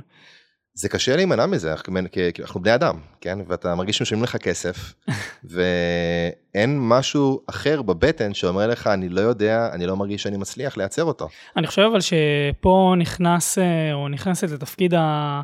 כאילו, המנהל שלך או המנהלת שלך, של לבוא ולהגיד לך, אורן, אני, עכשיו יש לך חודש, חודשיים, שלושה חודשים, אני לא מצפה ממך לייצר ערך. שיהיה ברור, אתה לא יצרן בשלב הזה, בשלב הזה אתה לומד, אתה חוקר, אתה בכלל מבין מה המקום שלך בתוך הפאזל, כן. אבל אני חושב שיש פה מקום, אתה יודע, של הגורם החיצוני הזה שיבוא ויגיד לך מה הציפייה בכלל ממך. נכון, לגמרי, אז התיאום ציפיות הוא חשוב במיוחד בהתחלה, אה, שזה גם עם האנשים השונים בתוך, ה, בתוך הצוות, אה, ואני חושב שזה לגמרי תיאום ציפיות טוב, אבל אני חושב שאתה יכול לייצר ערך לא בצורה גרנדיוזית שיש לנו בראש, לפעמים גם מיפוי של האנשים והפערים ומי מממן את הצוות, ולהציג את זה אפילו טיפה פנימה במובן של מה למדתי פה בחודש הראשון, יש בזה הרבה, הרבה מאוד ערך.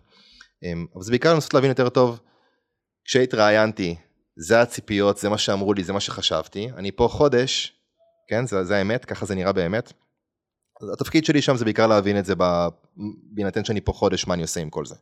אמ, והדבר האחרון זה מיפוי המערכות, כאילו, אוקיי, דיברנו הרבה על האספקט האנושי, אמ, אספקט לא פחות חשוב, זה, זה המערכות, אמ, איך נראה production, איך מוציאים גרסאות, איך עושים on-call, מי עושה on-call, איזה ידע יש לאנשים לבצע את זה כמו שצריך, כמה הם עושים את זה בסופי שבוע ובערבים, כמה הם עושים את זה ב-easy וב, ובצורה טובה, אמ, כמה לחץ יש, אז זה נקודה ראשונה. נקודה שנייה, אז אם אני מרגיש שאני יכול את המערכות הקריטיות בחברה, ואת הפלואים המרכזיים בחברה שהם הם מבחוץ, כלומר שכמעט אה, מישהו שמתחבר למערכת שלי היה צריך להכיר, האם אני יודע לצייר את זה על לוח לבן.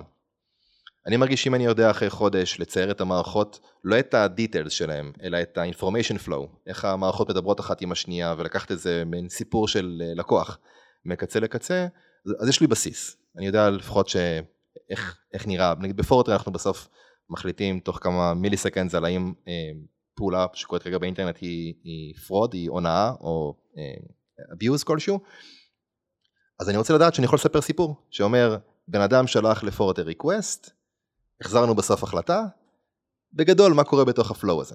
זה מספיק טוב לחודש הראשון, לא צריך להתחיל להכיר את המערכות בשמות ולהכיר בדיוק את הפרטים.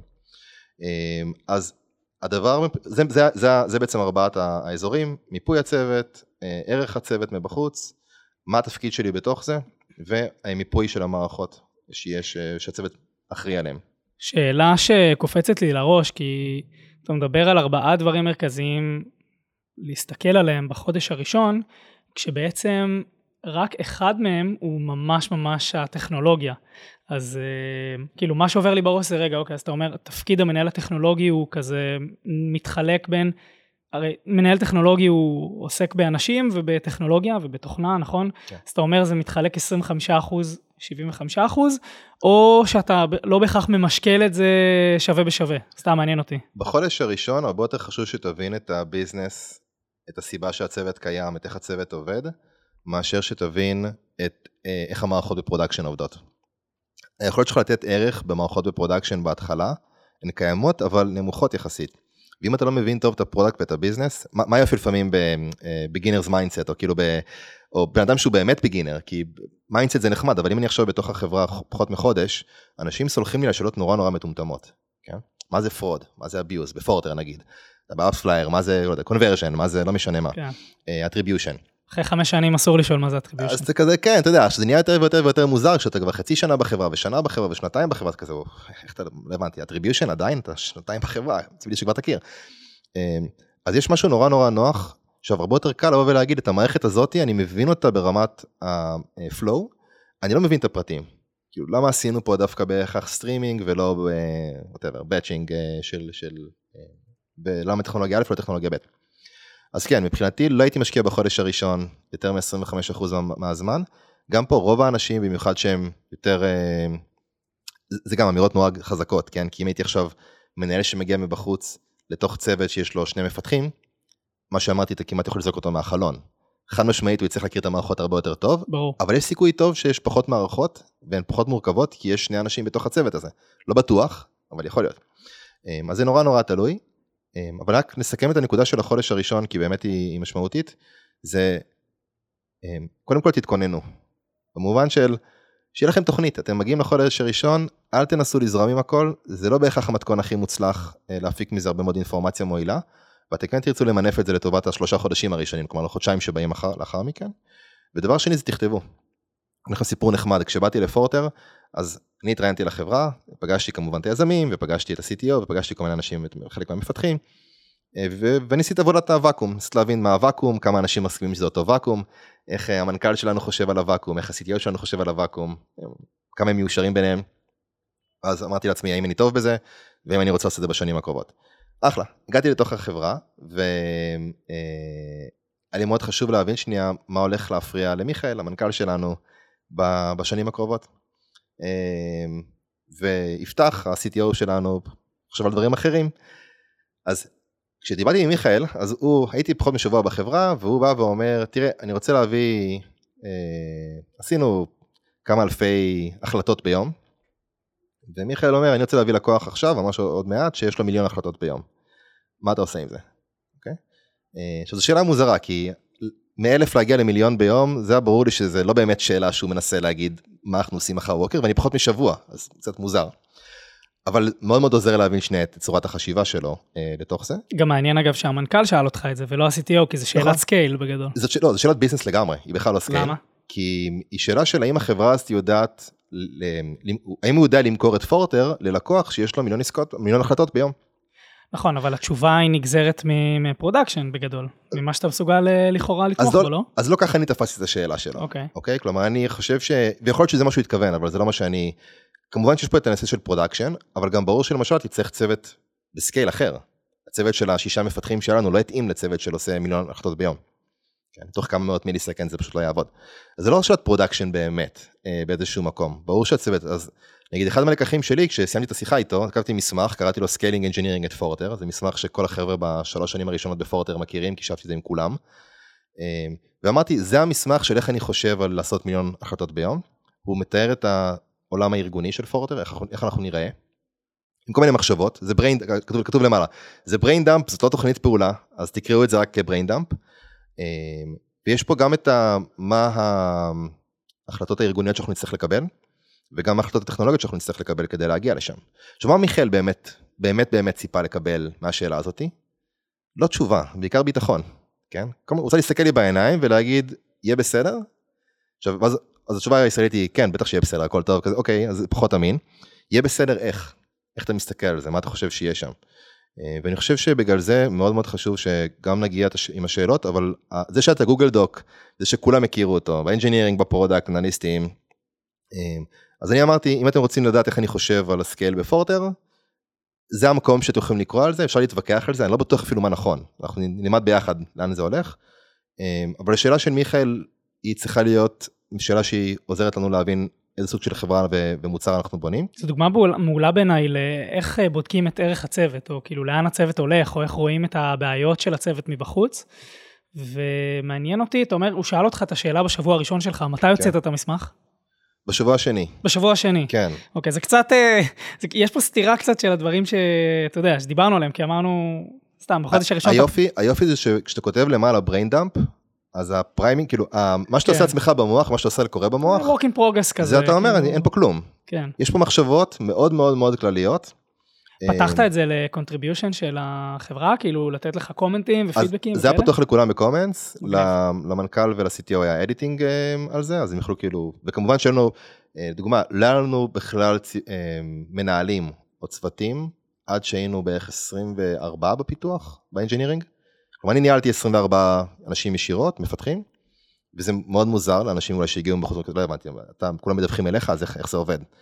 מה, אין חלוקות, אין domainים, איך, איך אנשים עובדים? אה, אז המסמך ניסה לתאר את זה, כאילו, למה? למה זה נכון לחברה? למה זה נכון כרגע? מתי זה ישתנה? אה, אז ברגע שאתה כותב למעלה, היי, זה brain dump, אין פה שום קומיטמנט, זה לא roadmap, כן? אז, אז מה הפסדת? עכשיו, האם זה יומרני? חד משמעית כן, אבל זה לפחות נותן סוג של תחושה של אתה יודע לאן אתה מנסה לכוון את, ה, את האנשים, ובעיקר את איך אתה רוצה לחשוב על הבעיות. אז זה התחבר אחרי זה לנקודות הרבה יותר מאוחרות בסיפור, כאילו של מה אני רציתי לעשות, כאילו אחרי השנה הראשונה שלי בפורטר, כדוגמה, אבל זה טיפה עוזר בלהתחיל לפרמל את המחשבות, אז את המסמך שאתה כתבת עם התובנות שלך נגיד, של החמישים תובנות שראיתי, כן. אז תחשוב על משהו דומה, רק שהוא משותף יותר מוקדם בתוך התהליך, אבל כתוב למעלה, כל מה שכתוב בהמשך כאן זה לחלוטין brain יש למשל כל מיני KPIs שחשבתי שכדאי שארגון ימדוד אותם. אה, שיהיו לא בהכרח כאלה שה-CTO הסכים עליהם או שהמנכ"ל הסכים עליהם, אבל בעיניי זה היה פרוקסי הרבה יותר טוב לבריאות של הצוות או לבריאות של החברה, אה, והחלטתי להסביר אותם למה, למה זה ה-KPIs הנכונים. אז הכל היה כזה במין dump, זה כתוב שם, זה יצא דיאלוג נורא מעניין עם שאר האנשים סביבי, כי היה זה, זה, זה, זה הופיע שם. כן, אני חושב ש, שאולי זאת הנקודה המעניינת פה, כאילו להתחיל לייצר את השיח הזה, את החיכוך הזה, אה, ואתה יודע, לא להוציא בהכרח תובנות שהן בשלות ב-100%, אבל כן לראות רגע איך אנשים מגיבים להצעה כזאת והצעה אחרת. כן, אז, אז זה נורא נורא נורא נורא עזר, בגלל זה באופן כללי כתיבה זה ערך אה, חשוב בעיקר בש, בשני מובנים. דיברנו עכשיו על שיחה, מה שקורה בינינו והחלקים האלה במוח, נכון? שרוצים להגיב ורוצים לחשוב מה הם, מה הם חושבים על זה ועל המטה. אה, בכתיבה אין את זה. כשאני קורא מסמך שלך, אתה לא פה. אני יכול להתחיל לריב איתך, אבל אתה לא נמצא, אז יהיה, יהיה מוזר, כן? אני יכול להתחיל לדבר בכל רמה, גיא הזה, על מה הוא מדבר, זה בכלל לא נכון, מה הוא כתב פה, אבל אתה לא שם. אה, אתה לא יכול להגיב, אני לא יכול לענות לך שאתה לא מבין. אז מה שנחמד בפורמט שהוא מסמך, זה שאתה יכול לקרוא אותו עוד פעם, לקרוא אותו עוד פעם, לישון על זה, לקרוא אותו עוד פעם, ואז להגיד, אתה יודע מה?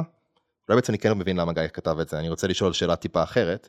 אז הכתיבה מייצרת הרבה יותר פלואים שהם אסינכרונים, הם טיפה יותר רגועים, כי אני לא צריך לעכל אותם בריל טיים, וזה בעיניי מאוד מאוד, לי זה מאוד מאוד עזר בתיאומי ציפיות, כאילו נגיד מול מיכאל או מול יפתח מול לירון או מול אחרים בתוך החברה, מול, מול, מול המפתחים בתוך החברה, כי לא היה להם הזדמנות לריב איתי על זה במיידי, הם היו צריכים טיפה לקרוא את זה, אמרתי להם היי, זה brain dump, אז קודם כל בוא לא נריב, זה תפיסה כלשהי כרגע, ובכל אופן אני רוצה שבוע, כאילו קראתם מגניב, בוא, בוא נדבר על זה שבוע הבא, אני עוד לא בשל לעשות איזה שיחה שהיא יותר על הפרטים שכתבתי פה, זה טיפה מרחיק את, ה, את, ה, את הדינמיקה ומייצר תחושה של שאפשר לדבר על זה טיפה יותר טוב. כן, כאילו קצת גם האסינכרוניות היא קצת אה, מרככת. כן. אני אגיד שאני מאוד מתחבר לכתיבה, אצלי זה בא משני טעמים. קודם כל, הזיכרון שלי הוא גרוע מאוד, זה הדבר הראשון שאני אומר לכל עובדת חדשה שמצטרפת אליי. אה, אני פשוט לא זוכר דברים, אז אני פשוט כותב הכל. והדבר השני, אני חושב שכשכותבים לאורך זמן אה, על נושאים משיקים, פתאום דברים אה, מתחילים להתחבר, וזה, אתה יודע, זה יתרון גם למי שקורא את המסמך שלך, כמו שאתה אומר, אבל גם עבורך. נכון. כאילו, אם אני כותב עכשיו 50 בעיות, ואז אני עושה להם clustering, ופתאום אני רואה שיש, לא יודע, 30 בעיות שנוגעות רק סביב ה... לא יודע, pipeline או ה delivery שלנו לתוך production, אז יכול להיות שזה הפוקוס המרכזי שאני צריך אה, לגעת בו בהמשך, ו... ובואו נדבר רגע על ההמשך. כאילו, בדיוק. סבבה, סגרנו את החודש, מה, מה צריך לקרות בשלושה חודשים הראשונים, או גם בחצי שנה הראשונה? כאילו, איך אתה רואה את השלב הבא בכניסה לתפקיד? כן, אז, אז, אה, אז הנקודות אה, נקודות מעולות והמטרה של המסמך היא באמת שגם אני אוכל לעבור עליו ולזקק אותו יותר או לשפר אותו יותר. אז החודש הראשון עשינו את המיפויים האלה, הבנו בגדול מאוד מאוד מאוד מאוד מה קורה. המטרה היא זה להתחיל להבין, אוקיי, אז אחד, מי שמימן את זה, מה הוא היה מקווה לראות, נכון? שתיים, מי שבתוך הצוות, מה הוא היה מקווה לראות, ושלוש, זה איך אני בתוך הסיטואציה. זה בסוף החלקים בפאזל. אמ, אני חושב שהדבר הבא בתור זה בהסתכלות על שלושה חודשים זה להתחיל לבנות סיפור. מה הכוונה סיפור? בסוף, בהגדרה יש סיפור. גיא עכשיו הגיע להוביל קבוצה שיש בה ארבעה צוותים. למה הביאו את גיא? אז יש, יש, יש סיפור, נכון? אם מישהו היה מסתכל על זה כסרט מבחוץ, אז יגידו, מי גייס את גיא? למה הוא פה? עכשיו, יש את הצוותים, אז הם יגידו, למה באמת גיא פה? יכול להיות שאנחנו מסתדרים טוב, יכול להיות שאנחנו לא מסתדרים טוב. היה מישהו, גיא מחליף מישהו, או גיא פשוט אף פעם לא היה, ועכשיו צריך שיהיה מישהו. אמ, אז כבר בהגדרה יש סיפור, יכול להיות שאף אחד לא מדבר עליו בצורה ברורה, אבל יש סיפור של מה קרה פה, למה הבן אדם נכנס לתוך הצוות הזה, מבפנים או מבחוץ, לא כזה משנה. אז אני חושב שאחד, אם ראיינו את האנשים מבחוץ בהבנה של ערך הצוות, יש לנו יכולת טיפ, טיפה להבין איך הם ראו את החזון של הצוות, של הקבוצה, של הארגון, לא משנה, את ה scale.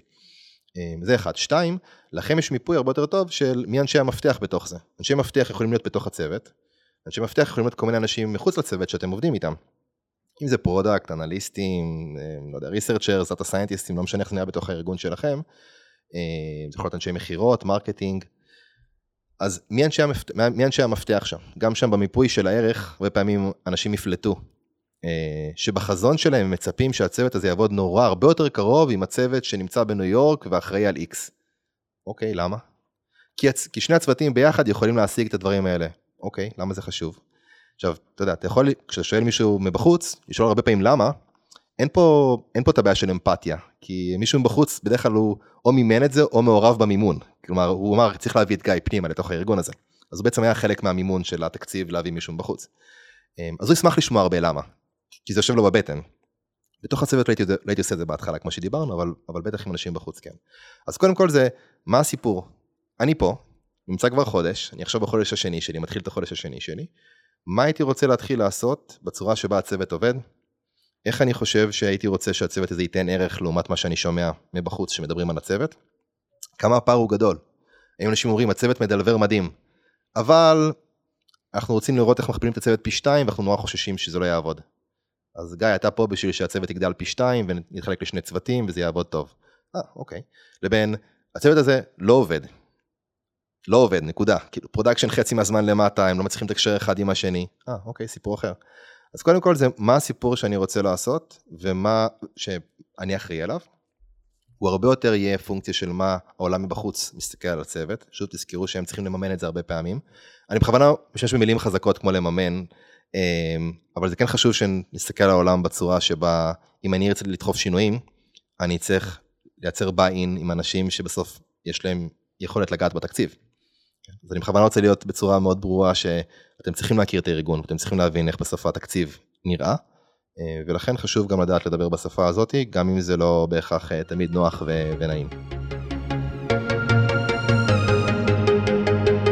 אגב, אני חושב שזה דבר שהוא נכון לא רק למנהלים, כלומר בכל דרג בארגון, ברגע שאתה רוצה לקדם משהו, כל יוזמה, כל רעיון, אתה צריך לייצר את הביין הזה, ואתה צריך לעשות את זה על ידי הגורם שספציפית מממן אותך, או אתה יודע, אחראי על הלוקציה של, של העבודה שלך.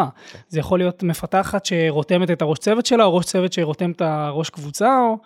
לצורך העניין VP Engineering שרותם איזשהו אה, VP או CTO או מנכ"ל. כן, זה יכול להיות ראש קבוצה שרותם VP בארגון אחר, שימשוך את כל הקבוצה שלו לארגון האחר הזה, לגמרי. כדי להתחבר לקבוצה אחרת בארגון האחר ולעבוד ביחד, כי בשביל לייצר ערך נורא נורא משמעותי לארגון, שהמנכ"ל נגיד נורא נורא רוצה. אה, אז אני ממש מסכים, אני חושב שההבנה אה, של הסיפור היא, היא, היא חשובה. עכשיו בסיפור, בסוף, הרבה פעמים מה שיקרה זה, אם יש לנו סיפור של לאן היינו רוצים לכוון את הצוות, שוב, ברמת dump, אתה עוד לא בטוח לגבי כלום בעולם. אתה רק מתחיל לחשוב איך אתה מסתכל על זה. אז הייתי שמח שנוכל להבין ביחד, אז מה, מה סוג עקרונות ומה הטקסים שהייתי רוצה להתחיל, אה, הייתי אומר לקדש, אבל מאוד קרוב לזה. כלומר, נגיד עקרונות יכול להיות למשל, איך אנחנו מתקשרים אחד עם השני. איך אנחנו ניגשים, איך לוקחים אחריות על הדברים, איך מטפלים בבעיות production. אה, טקסים יכול להיות למשל, אם אני מחליט שאני customer centric, איזה משפט נחמד להגיד שלא אומר כלום לאף אחד, נכון? אה, אבל טקס זה למשל, אם אני מוכן להשקיע אה, שבוע ברבעון של כל אחד מחברי הצוות, לעבוד עם הלקוחות שלנו, לא משנה איך זה נראה, טיקטים, או ממש לשבת יחד איתם, או ממש לראיין אותם, לא יודע מה. אז זה הטקס, ואני הולך לממן אותו בהרבה מאוד כסף, כי אני הולך לבזבז שבוע של מפתחת שיכולה לכתוב קוד, לשבת יחד עם לקוחות ולהקשיב ולראות מה הם עושים. אה, אז זה טקס, כי יש עיקרון, אנחנו customer centric, אז זה אורגניזיישן, ויש לנו טקס שהוא אה, להשקיע שבוע ברבעון של כל בן אדם. אז לא כזה משנה מה העקרונות ומה הטקסים, אבל אלה דברים שאתם רוצים ממש ממש ממש ללכת אה, ולהילחם עבורם. כלומר, אם זה עיקרון מהסוג שבה המנהלת הישירה שלכם, או עוד, לא יודע, CTO ובא ואומר, היי, לא, אתם לא עושים את זה, אתם אומרים, אוקיי, בסדר, אז לא משנה, אז, אז זה לא עיקרון. אה, וטקסים אמורים לעגן עקרונות. לרוב לצערי היום טקסים מעגנים אה, תחושות. אה, טקסים מעגנים תחושות, למשל הצוות שלי בבלאגן, אני אעשה ספרינטים. אה, אני רוצה להרגיש שאני מייצר יותר ערך, אני אעשה ספרינטים של שבועיים או של שבוע, אני אקצר אותם. אה, קשה לי לעבוד על פחות דברים במקביל, אני אשתמש בקנבן. עכשיו, זה בסדר, אה, אבל אתה יכול לעשות את כל הדברים האלה גם בלי הטקס הזה בהכרח. אבל אז זה אומר שמבחינתי הרבה פעמים בטקסים תנסו למצוא טקסים שמעגנים דברים שהם טיפה פחות אה, מובנים, מובנים מאליו ופחות ברמת התחושה. כן, אני, אני מאוד מתחבר לזה, אני כן אגיד שלי באופן אישי מרגיש שלהתחיל לגעת בדברים האלה בחודש שני ושלישי, שוב, זה, זה שלי, כן, אבל לי זה מרגיש טיפה מוקדם, בכנות. כאילו, אני, אם קודם דיברנו על החודש הראשון ואמרנו אני, שאני אוהב לשאול הרבה למה, את עצמי, כאילו למה זה, למה זה, עושה רשימה, אז בחודש השני שלישי, אני, אני עושה switch שהוא יחסית מינימלי, ואני פשוט מתחיל לשאול למה, אבל לא רק את עצמי. כאילו אחרי שכבר עשיתי processing ועשיתי את ה clustering הזה וראיתי שיש כל מיני דברים, אני חושב שזה שלב שאתה כן יכול להרגיש בו בנוח, אתה יודע, להתחיל טיפה לאתגר דברים. Yeah. כן. אז זה יכול להיות במה שאתה אומר, כאילו ב, למשל, הצוות בבלגן, כי לא יודע מה, sprintים לא באמת sprintים, ואנחנו מתחייבים ל deliverables ולא עומדים בהם, אז נגיד זאת שאלה, אתה יודע, בואו נקבע פגישה עם ה product, או, או עם חברי הצוות, ו- ונשאל, למה? כאילו, למה, כן. למה זה ככה, למה זה שבור ולמה זה שבור? כן. שלב אה, די טוב אה, להתחיל להתעסק בזה, ו... ומעניין אותי, אתה חושב שזה באמת שלב גם להתחיל, אתה יודע, להחליט על תוכנית פעולה ולהתחיל להוציא אותה לפועל? כן, אה, אני, אני כן, אני חושב שבשלושה חודשים הראשונים אתם אמורים לעשות 80% מהשינויים לשנה הראשונה. יש דרך אגב גם לא מעט מחקרים על זה, הרבה מהם כבני אדם, ככל שאתה יותר תמוה בתוך השבט, קשה לך מאוד להגיד לשבט שהוא טועה. היופי כשאתה מגיע מבחוץ, אז אם אתה עושה את זה ביום הראשון אתה פשוט נראה כמו בחור יהיר ויומרני בצורה יוצאת דופן. אם אתה, ההנחה היא שאם אתה תעשה את זה נגיד בשים השנה הראשונה, יכול להיות שכבר אתה אה, תיתפס גם בתוך הארגון כמקום שכבר אתה מוטמע מדי בתוך התהליכים, יכול להיות שאתה לא מספיק בעצימות של ההחלטות, אתה מקבל עצימות נמוכה מדי. כלומר, שינויים הם יותר מדי נקודת, יותר מדי local uh, maximum, כן? כאילו, יותר מדי שינויים קטנים. כן. שאני אומר לך, עזוב שנייה ספרינט, לא ספרינט. מי בכלל רוצה לדבר על sprintים? יכול להיות שהשאלה הנכונה היא בכלל, מי שתופס אותנו מבחוץ, חושב שהארגון הזה מ deliver בצורה משוגעת. משוגעת, זה ארגון שמ deliver הכי טוב ב AppsFlyer או ב Forter. אוקיי, אז הארגון מבחוץ לא תופס את הצוות כמישהו שצריך לעשות אופטימיזציה ל sprintים. הוא אומר, לא יודע מה אתם עושים שם, לא אכפת לי איך קוראים לזה, זה עובד מדהים. אוקיי, אבל מה שלא עובד מדהים, זה במקום שאתם תצליחו לעבוד יותר טוב עם הפירס שלכם במקום אחר, ולעזור להם שגם הם ידלברו ערך, כי בלעדיהם אתם לא יכולים לדלבר בסוף ערך אמיתי, שזה לקוחות, הלקוחות המשלמים רוצים את זה, אז אתם, יש לכם תפוקה משוגעת, אתה מדבר עם חברי הצוות שלך והם אומרים בוא נעשה ספרינטים של שבוע של שבועיים ואני אומר לכם חבר'ה זה לא מעניין אותי אתם כבר מ-1 עד 10 אתם 9 וחצי. שיפור פה אני לא רוצה לראות אותו. זה קצת, אה, זה קצת, אה, הדוגמה שקופצת לי לראש, זה, אתה יודע, עכשיו אה, שאיזה מפתחת תבוא ותגיד, אני חייבת לעשות פה איזשהו שיפור performance, כאילו באיזה כן. פונקציה סופר סופר ספציפית. 80 אחוז שיפור. כן, 80 כן. אחוז. שיפור, מ... לא יודע מה, אין לי עכשיו את המתמטיקה, תזרום איתי, מחמישה millisecond ל-4 millisecond, כן. ובתכלס יש לך איזה database שאתה יודע, אתה קורא ממנו בשלוש שניות, כן. ומה עשית? כאילו לא עשית בזה כלום. בדיוק. אז יש איזשהו סוויט ספוט כזה, שאתה אומר, אצלך זה כזה בין החודש לשלושה חודשים הראשונים, זה זמן להכות בברזל, כאילו אתה מספיק בטוח במקום שלך יחסית בארגון, כן. כבר יש לך קצת קרדיט ומבינים מי אתה ומה אתה מביא, שאלת שאלות טובות וכבר יצרת איזשהו חיבור. כן. עכשיו זה זמן טוב לעשות אה, דווקא שינויים שהם קצת יותר גדולים, להתחיל איזשהו ניסוי שם, וכאילו מן הסתם, אתה יודע, אני מניח שאתה לא אמרת, אבל קבל פידבק, לראות איך זה הולך, וכאילו להתאים נכון. את הדברים. נכון, נכון, נכון. אז, אז, אז זה, תזכור שבסוף יש סיפור. הביאו מישהו לארגון, עכשיו מסתכלים עליו. אם אתה אומר, טוב, אני אחרי שנה אקבל לעשות כל מיני שינויים, אז, אז אוקיי, אז, למה הבאנו אותו? אולי. אה, אז ההנחה שלי זה שאנחנו נרצה לעשות את השינויים בשלושה חודשים הראשונים, בטוח לא בחודש הראשון. יכול להיות שזה משהו לקראת סוף החודש השלישי, שאתם רוצים לבצע את השינויים האלה. אה, ולכן חשוב מאוד שבחודש השני והשלישי תתחילו לחשוב על מה הסיפור. מה אני הולך לספר מחוץ לארגון, חבר'ה שמסתכלים על הערך, מה אני הולך לספר בתוך הארגון, והכי חשוב, איך זה משרת את האנשים שיש לי. אני לא מאמין בסוף במוטיבציה חיצונית. היא נחמדה, היא טובה בתקופות של אה, מלחמה ושל אטרף, היא לא נחמדה לטווח ארוך. קשה להשאיר engineers לעשר שנים בחברה או לחמש שנים בחברה, זה נשמע מגוחך למי שמקשיב בממוצעים של, אה, שיש לנו היום, אבל קשה מאוד להשאיר אנשים לתקופה כזאת ארוכה אם המוטיבציה היא שלי, או המוטיבציה היא של החברה. מה המוטיבציה שלהם בתוך כל זה? אז איך הסיפור פוגש אותם? איך זה מדבר בשפה שהם יודעים לדבר בה? איך אנחנו נמנעים מלדבר על דברים שהם, כדאי שהם לא ידברו על זה, כמו דוגמת לשפר מ-5 ל-1 מיליסקנד, ואנחנו רוצים עכשיו, כאילו, אם זה לא הסיפור שהחברה מתעסקת בו, יש לי הרבה יותר ערך לתת לאותה מפתחת שמדברת איתי על זה, להגיד, תקשיבי, גם, גם תשפרי את זה עכשיו ב-99.9 אף אחד לא יעריך את זה. להפך, הם יחשבו שאנחנו לא מתרכזים בדברים הנכונים, שאנחנו מנותקים מהביזנס, אנחנו מנותקים מה שחשוב, אנחנו לא רוצים להיתפס כמנותקים. צריך לעבוד על האליינמנט הזה. בדיוק, אז הסיפור מייצר את האלמנט הזה, והסיפור בא יכול להגיד, אבל נורא חשוב לך פרפורמנס. כאילו, כי אני יודע שדיברתי איתי על זה, אז, אז, אז זה, זה בך, זה טבוע בך. מדהים. מפית באיזה אזורים יש לנו, שאם אנחנו נשפר אותם בפי 10, או נשפר אותם בפי 2, אולי זה כן יעניין דווקא את ה-CTO או את המנכ"ל? מה זה המיפוי הזה? אמ, אז זה יכול לדבר טיפה בשפה שלה, יכול גם לדבר בשפה החוצה, אם זה מתאים לסיפור שיש בעיה של פרפורמנס. כשאתה שומע שהערך של הצוות מבחוץ זה, תקשיב, זה עובד מדהים, אבל המערכת פשוט, היא היא does- doesn't scale, זה לא עובד. אני מפחד שאנחנו נביא עוד לקוח של מיליון עסקאות ביום, זה פשוט לא יחזיק מים. כן. אוקיי, אפשר, אפשר אולי לחבר את, את הנקודות שם. אמ, אז מבחינתי נורא חשוב בתוך התהליך הזה של בניית הסיפור, זה להבין איך העולם מבחוץ מסתכל על זה, מה אנשים בפנים מחפשים, מה המוטיבציות הפנימיות שלהם, ואז איזה פרופילים יש לנו. בסוף אני מאמין שצוות הוא פאזל, רע מאוד לגייס את אותם אנשים בכל מיני תצורות, צריך שהם ישלימו אחד את השני.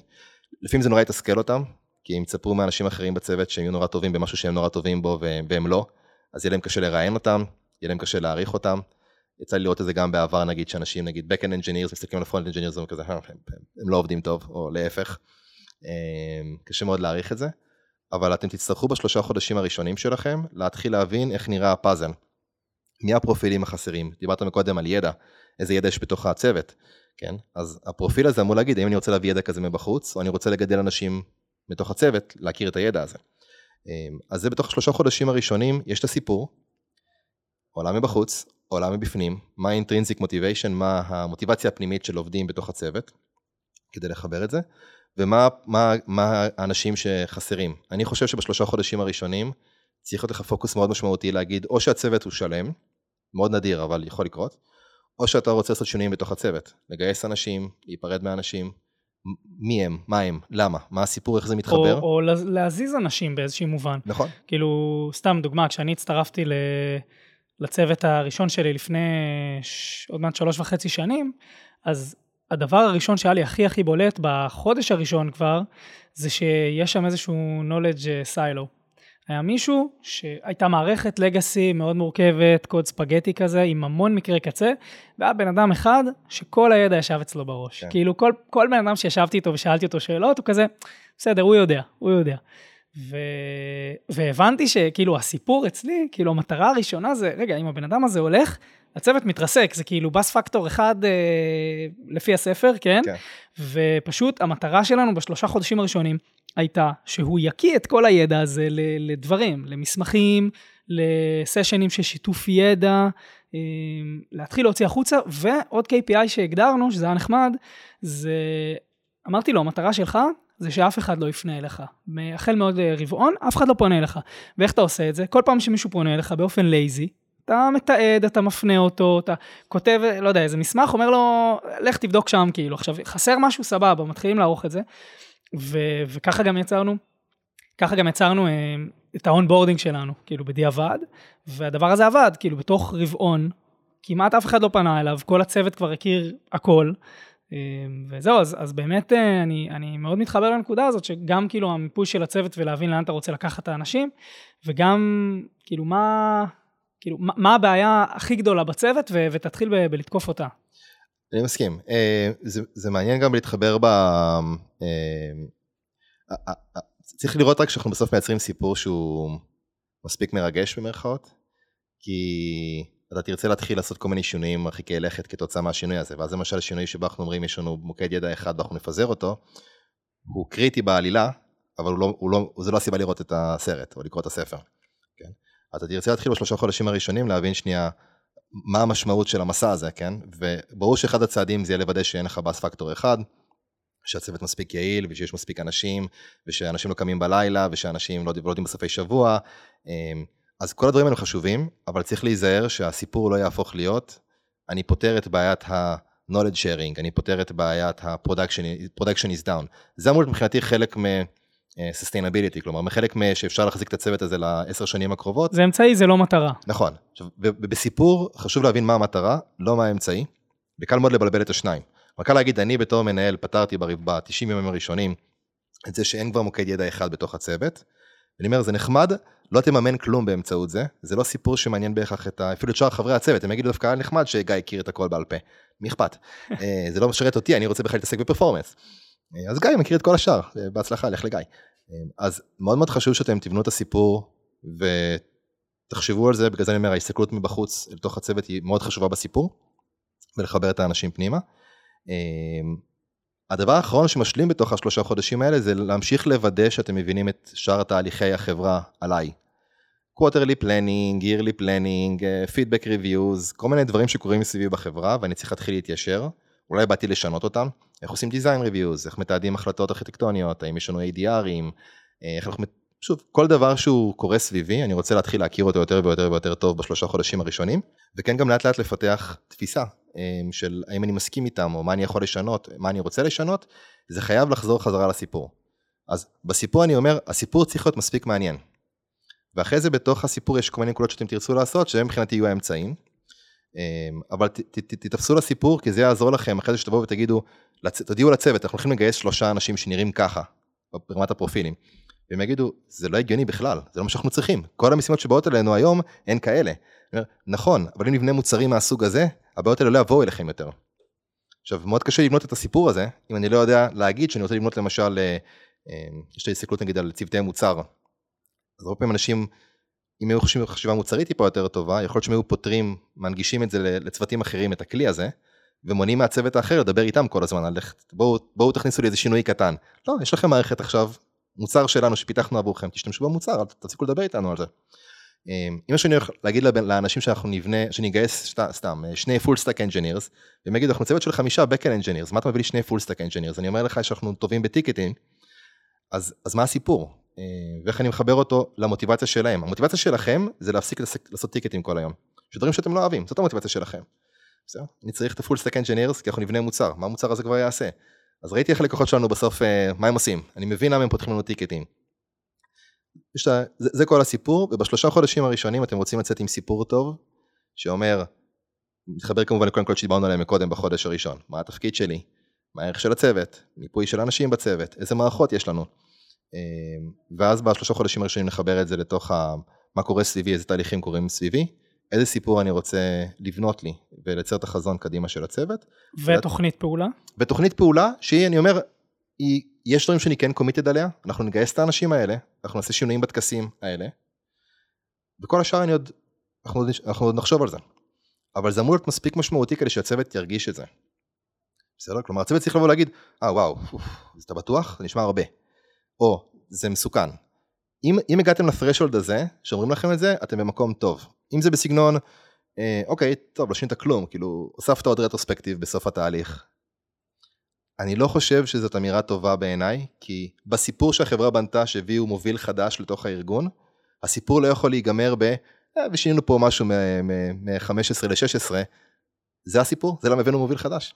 אתה כן עושה אבל איזושהי הנחה שהיא, יש בה בעייתיות. כאילו, אתה מניח שאם עכשיו מגיע מוביל חדש, הוא צריך אה, להפוך את השולחן, להגיד, אה, הכל אה, גרוע, בוא נשנה הכל. לא, לא, לא, הוא, הוא להפך, הוא, לא הוא יכול להגיד שיש הרבה דברים מעולים שהוא רוצה למנף אותם קדימה. והוא רואה שארגון מסביב תופס את הערך של הצוות כהרבה יותר גבוה ממה שהצוות תופס את הערך שלו. הצוות תופס את הערך שלו כארגון שמדלבר X. הערך שה-CTO תופס את הצוות זה ארגון שצריך לעשות גם את, את Y ואת Z, ואם היו רק מבינים את זה, אז היינו נותנים להם כמה שהם רוצים, קחו. אה, אז אני חושב שנורא חשוב בהסתכלות, אתה לא אמור להפוך את השולחן ואתה לא אמור בהכרח לעשות שינויים שהם דרסטיים, אבל אם אתה לא מנסה לייצר את התחושה שלך של הייתי רוצה לאפשר את זה, אם זה הגיוני וזה נכון לחברה, לא לדחוף את זה בכוח. אז um, אני חושב שזה כן נורא חשוב שזה המסר שיהיה לך בראש. אחרת מה שיקרה זה כדיפולט אתה נורא תפחד ואתה נורא תיזהר, אתה תעשה שינויים נורא נורא אינקרמנטליים, קטנים. אז כן, בעיניי זה משהו שהוא חשוב. אתם לא צריכים, אני חושב שהישראלים מאוד אוהבים, זה מאוד, דרך אגב מאוד שונה מהניסיון שלי לפחות בעבודה אל מול חבר'ה אמריקאים. אה, נגיד, מנהלים ישראלים מאוד אוהבים להגיע לצוות במשבר ולתקן אותו. הם אוהבים להיות גיבורים בסיפור. כן, אז יש, יש סיפור, הם הגיבור. כיף להיות גיבור. ברור שזה כיף. אמריקאי דרך אגב פחות אוהב את הסוג עלילה הזה, כן? נגיד אמריקאים בדרך כלל ייקחו ארגון שהוא יגיד שהוא בריא, והם יעשו אותו פי 10 יותר טוב. והם יסתכלו על ארגון מדלבר X, לא, הוא יכול לדבר 100X. הישראלי יגיד ארגון מדלבר 0, אני גרמתי לו לדלבר X. אמ, אז אני חושב שגם למנהלים שלנו, וזה אפרופו expectation setting, כאילו התיאום ציפיות שאתה תיארת עליו בהתחלה יחד עם המנהלת. אגב, סליחה שאני קוטע אותך, אבל פיטר טיל כן. מדבר על 0 אה, to 1 כעל משהו הרבה יותר משמעותי מ-1 to n. זה, לא יודע, כאילו אני לא מביע דעה, אבל אני אומר... אה, משמעותי זה... באיזה מובן? אם, אם זה לא מגיע one אז החברה מתה, זה מאוד משמעותי. כן, בדיוק. אה, אבל בסוף היא יכולה להישאר חברה שהיא מאוד לא משמעותית בעולם, אם היא תישאר. כאילו עבדנו פעם בחברות, אני מניח שלא מימשו את עצמן. כן, אז כאילו הגיעו לסקייל שיש בו אפס השפעה אמיתית על העולם. טוב, אתה רוצה להגיד שהיא מעניינת? לא, לעומת חברות של... אפספלייר היא חברה מזמן עברה את ה-zero to one. כן. אה, אם אני עכשיו ואתה עובדים באיזה סטארט-אפ ואנחנו עושים את ה-zero to one ומגיעים למיליון דולר במכירות, אבל עשר שנים אחרי זה מגיעים לשני מיליון דולר במכירות. אז יכול להגיד שאני ואתה עבדנו על משהו נורא משמעותי. לא בטוח, כן. אה, לגמרי. אז יש את זה, יש את זה, אבל בכל אופן אני חושב שמאוד חשוב בשלושה חודשים הראשונים לסיים עם סיפור שאתם רוצים לדחוף ולקדם. זה בסדר שהוא יהיה טיפה שאפתני, זה בסדר שהוא יהיה קצת יומרני, הוא לא חייב להיות סיפור ה... הכל שבור ואני תיקנתי, הוא יכול להיות סיפור, זה עובד מדהים, וארגון בונה עלינו שנעשה את זה בסקייל הרבה יותר גדול. ואנחנו יכולים ומסוגלים לשפוט את הטאלנט הנכון ובואו נעשה את זה. אמ, זה יכול להיות סיפור מאוד חיובי שנהיה עוד יותר חיובי, זה לא יכול להיות סיפור שלילי שהופך להיות חיובי. בסדר, זה בעיניי מאוד חשוב במיוחד לפורום הישראלי שמקשיב לדברים האלה, כי אני באמת רואה איך מנהלים מסתכלים, הם ממש מחפשים מה רקוב, מה לא עובד, מה מפריע לכם, מה מעצבן אתכם. אני אומר כאילו, תסתכל על זה כמו רצפה ושמיים, כאילו, אנשים יתפטרו אם הרצפה לא יציבה, מה זה רצפה לא יציבה? ל-CI לוקח אינסוף זמן, יש לעשות deployment, קשה לדבק לוקאלית, הכל מעצבן, תהליכים מורכבים, זה רצפה. אני לא מכיר בן אדם שיישאר בחברה עשר שנים כי כל הדברים האלה עובדים סבבה, כן? אז מה זה שמיים? שמיים זה איפה אני פוגש את הדברים שאותי מעניינים והחברה מאפשרת לי לעשות ואני יכול לפרוח ולעשות דברים מעניינים בתוך זה. כן, רצפה יציבה זה כאילו תנאי הכרחי אבל הוא לא מספיק. בדיוק. כן. סבבה, אז אנחנו מדברים, אוקיי, שלושה חודשים, יש לנו סיפור, יש לנו איזושהי תוכנית, מה, איך, אתה יודע, איך אתה רואה את סיום ההתחלה, כאילו סיום התחלת התפקיד? כן, אז אני חושב, ש, אני חושב שמפה, אה, אה, בעיקר הפוקוס, אני חושב, הוא בעיקר להתחיל להבין מה אתם רוצים למדוד. אה, אז בשלושה חודשים הראשונים, לפעמים אתם תגידו שזה ילווה את הסיפור שלכם, מה ה-KPI שאתם מסתכלים עליהם שהם מעניינים עבורכם. כן, מה, אותן מטריקות שאתם רוצים להסתכל עליהן ולהגיד זאת מטריקה שהיא בריאה. עכשיו, אני מבקש בתור אחד הדברים הכי חשובים, זה מטריקות עסקיות. המנכ"ל צריך להבין אותן. לפחות חצי מהן. זה בסדר שחצי יהיה כמה זמן לוקח לי מקומית עד שמשהו מגיע ל master ואפשר לעשות deploy, זה נחמד, זה סבבה, זה בסדר. אבל צריך שלפחות חצי יהיה אה, החוצה. שוב, מזכיר לכם, יש את העולם מבחוץ שיודע לממן את הצוות, את הארגון הזה. אפילו למנכ"ל יש מישהו שמממן אותו, כן? זה אולי הבורד שלו, הלקוחות שלו, אם נגיד אין בורד. אה, אז קודם כל, תוודאו שאתם מתחילים ליצור מדדים, שאתם בשלושה חודשים הראשונים מתחילים למדוד, כדי שיהיה לכם baseline, כדי שאחרי חצי שנה ואחרי שנה תוכלו לראות שבמדדים האלה אתם השתפרתם. אז קודם כל זה להבין בשלושה חודשים הראשונים איזה סוג של מדדים, איזה מדדים בוחרים, מדדים שמתאימים לסיפור. איזה סיפור בונים, כזה שגם מי, שנות, אה, מי שמממן את, ה, את הארגון ירצה לשמוע, סיפור שגם מעניין אותם. אמ, אז קודם כל אתם רוצים ליצור את המדדים האלה, זה חלק מהסיפור, אתם תסבירו לצוות למה נורא חשוב למדוד את הדברים האלה, ואתם תרצו להתחיל לראות בחצי שנה הראשונה, אפילו בכל השנה הראשונה, זה שאתם, יש לכם baseline. הנה, פעם לא מדדנו את זה, עכשיו אנחנו מודדים את זה. זה יכול להיות כמו כמה פעמים יש לנו pager duty מחוץ לשעות העבודה. כי הסיפור פה זה שהצוות הוא לא sustainable, הוא burned out. זה, זה חלק מהסיפור. אבל זה פחות אה, business־י. כלומר... נכון, זה ב-50% האלה זה יכול להיות כזה. אה, ב-50% הנותרים, כאילו ב-50% האחרים זה יכול להיות סביב דברים של, של business, זה למשל, אה, נגיד דברים שעשיתי בפורטר כשהגעתי, אז יש איזה מין, נגיד CFO תמיד ירצה להוציא כמה שפחות כסף. אלא אם כן יש revenues נורא ברורים מול זה. עכשיו זה הדמות שלו ב- ב- ב- בספר, בהצגה, זה הדמות שלו, הוא חייב להיות בדמות. מנכ"ל תמיד יגיד, רגע, אי אפשר לעשות יותר עם פחות? אם אני מפטר חצי מהארגון, ראה ערך אילון מאסק בטוויטר, כן? להגיע עם כיור ולהגיד לאנשים, היי, אני רוצה לפטר, אה, קחו את זה בתור רמז. אה, מנכ"ל אולי תמיד ירצה לשאול את השאלה, האם אפשר להשיג יותר עם פחות? ואפילו אם יש לנו יותר עם יותר, כן? בוא נגייס ובוא נעשה עוד יותר. אז הדבר שבעיניי חשוב בתוך התפקידים האלה, זה להבין יותר טוב מה אפשר להשיג, כאילו מה ה-KPI שאנחנו מסתכלים עליהם החוצה. ואנחנו חושבים שהם טובים בפורטר, כשאני באתי לפורטר ידעתי ש, שהמנכ"ל ירצה לעשות יותר עם פחות. כן? ידעתי שה-CTO יש לו כל מיני פיצ'רים שהוא נורא מאוהב בהם והיה רוצה לקדם אותם.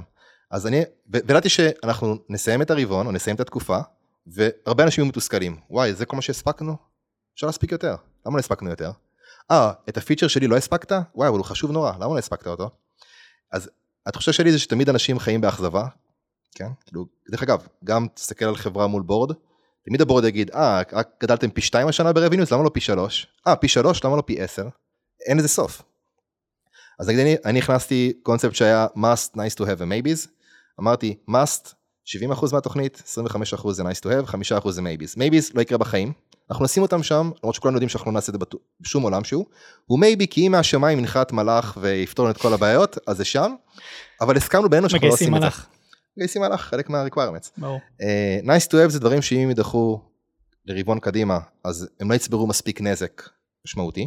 ואז הם הופכים או ל must או ל maybe. בדיוק, כאילו. בדיוק. כן. ו must אנחנו עושים. לא אכפת לי איך עושים, עושים. אה, זה שצריך להתווכח בתחילת כל רבעון על מה המגמה ומה הקטגוריה הנכונה לכל דבר, מאוד עזר בלעשות תיאום ציפיות שאנחנו עומדים ב, אה, בדרישות, מתוך הנחה שאני רוצה לבנות סיפור, לעשות מדידה. אז אני מדדתי שב-70% שהסכמנו עליהם במאסט, השגנו אותם, מדדתי בזה. אמרתי שאני חושב שאנחנו נעשה בערך חצי מה-nice to have, פלוס מינוס. ואני כשאני הגעתי ל-70% מהמס שלי בתוכנית, אני אמרתי עשינו רבעון מעולה. אני לא מוכן לשמוע משפט של אפשר יותר אפשר פחות, עשינו רבעון מעולה. ואתם רוצים ברבעון הבא שנעשה משהו אחר, בואו נתווכח על מה זה מאסט. בסדר? וזה מה שאני אחראי עליו. וצריך שיהיה טיפה slack בין ה must לבין ה-nice to have זה בין ה maybes, כדי שהצוות יוכל להתאים את עצמו לדברים. מותר להוציא must, להכניס must אחר במקומו, לגמרי מותר, סופר לגיטימי במהלך הרבעון, אבל זה השפה. זאת לא שפה של ספרינטים, זאת לא שפה של commitments מהסוג של הכל חשוב וקריטי וה-CTO מאוהב בזה והמנכ"ל מאוהב בהוא. אומר זה בחינם, זה אני אקבל את הדבר הזה בחינם, אני לא רוצה להתעסק בזה. אמ, אז זה סתם דוגמה של מדידות בתוך ה... שיש לנו בתוך התהליך הזה שנורא נורא חשובות. אז מה ה baseline? להראות רבעון אחרי רבעון שה baseline הולך ומשתפר כחלק מהסיפור. אמ, וזה יקרה בשנה, כלומר אחרי השלושה חודשים הראשונים לתוך השנה הראשונה זה, זה חלק משמעותי מהתהליך הזה. אז אחרי שיש לנו את החשיבה על המדדים שעוזרים לסיפור ואנחנו מתחילים למדוד אותם ומתרגלים אותם ומייצרים את ה baseline, אני חושב שהפרמטרים הבאים אפשר כל אחד מהם לדבר עליו שעות, אבל זה להבין קודם כל למפות את מי אנשי המפתח, חלק מזה בתוך הצוות, מי האנשים שהם הגיבורים בתוך הסיפור, לא גיבור בהכרח שהם צריכים להציל את המצב, אלא גיבור בזה שהם לוקחים חלק משמעותי בעלילה. אז למשל זה יכול להיות אני רוצה לגייס שלושה ג'וניורים, אה, חבר'ה שרק יצאו מהאוניברסיטה עכשיו, ומי, מי, ומי זה שעוזר לבנות את התוכנית onboarding יחד איתם וללוות אותם. אה, לא בהכרח כל דבר זה לפתור בעיות ב production ולהציל את, ה, את האומה שם. אז מי זה אנשי מפתח גם בתוך הצוות וכמובן סביבי, האם יש ב product אנשי מפתח, האם יש אה, מנהלים ומנהלות אחרים בארגון, האם יש staff engineers או principal engineers או ארכיטקטים סביבי שאני צריך להתחיל להכיר ולעבוד איתם יותר קרוב. גם שם, מיפוי של ערך, מיפוי של הבנה של איך הם רואים את העולם, איך הם תופסים את הצוות שלי, איך הם תופסים את האנשים בתוך הצוות. אז הבנת האנשי מפתח זה מאוד מאוד חשוב. תחשבו איזה ערך אתם נותנים להם, לא רק מה אתם צריכים מהם, אלא גם מה אתם נותנים להם. תתחילו מאיזה ערך אתם אה, נותנים להם אולי. נכון, אה, לפעמים זה קשה יותר כשזה טיפה יותר מביך בהתחלה ואתם עוד לא מכירים אותם מספיק טוב, אבל תתעניינו מספיק כדי להבין איזה, איזה ערך הם רוצים לתת, ואם אתם יכולים לעזור להם אה, להגיע לשם. זה מאוד חשוב כדי שיהיה את הסימביוזה הזאת בעבודה המשותפת. וכמובן, הנקודה שצריכה ללוות אתכם לקראת המשך השנה, זה להתחיל ללמוד את הסיפור שהוא גם פונה החוצה.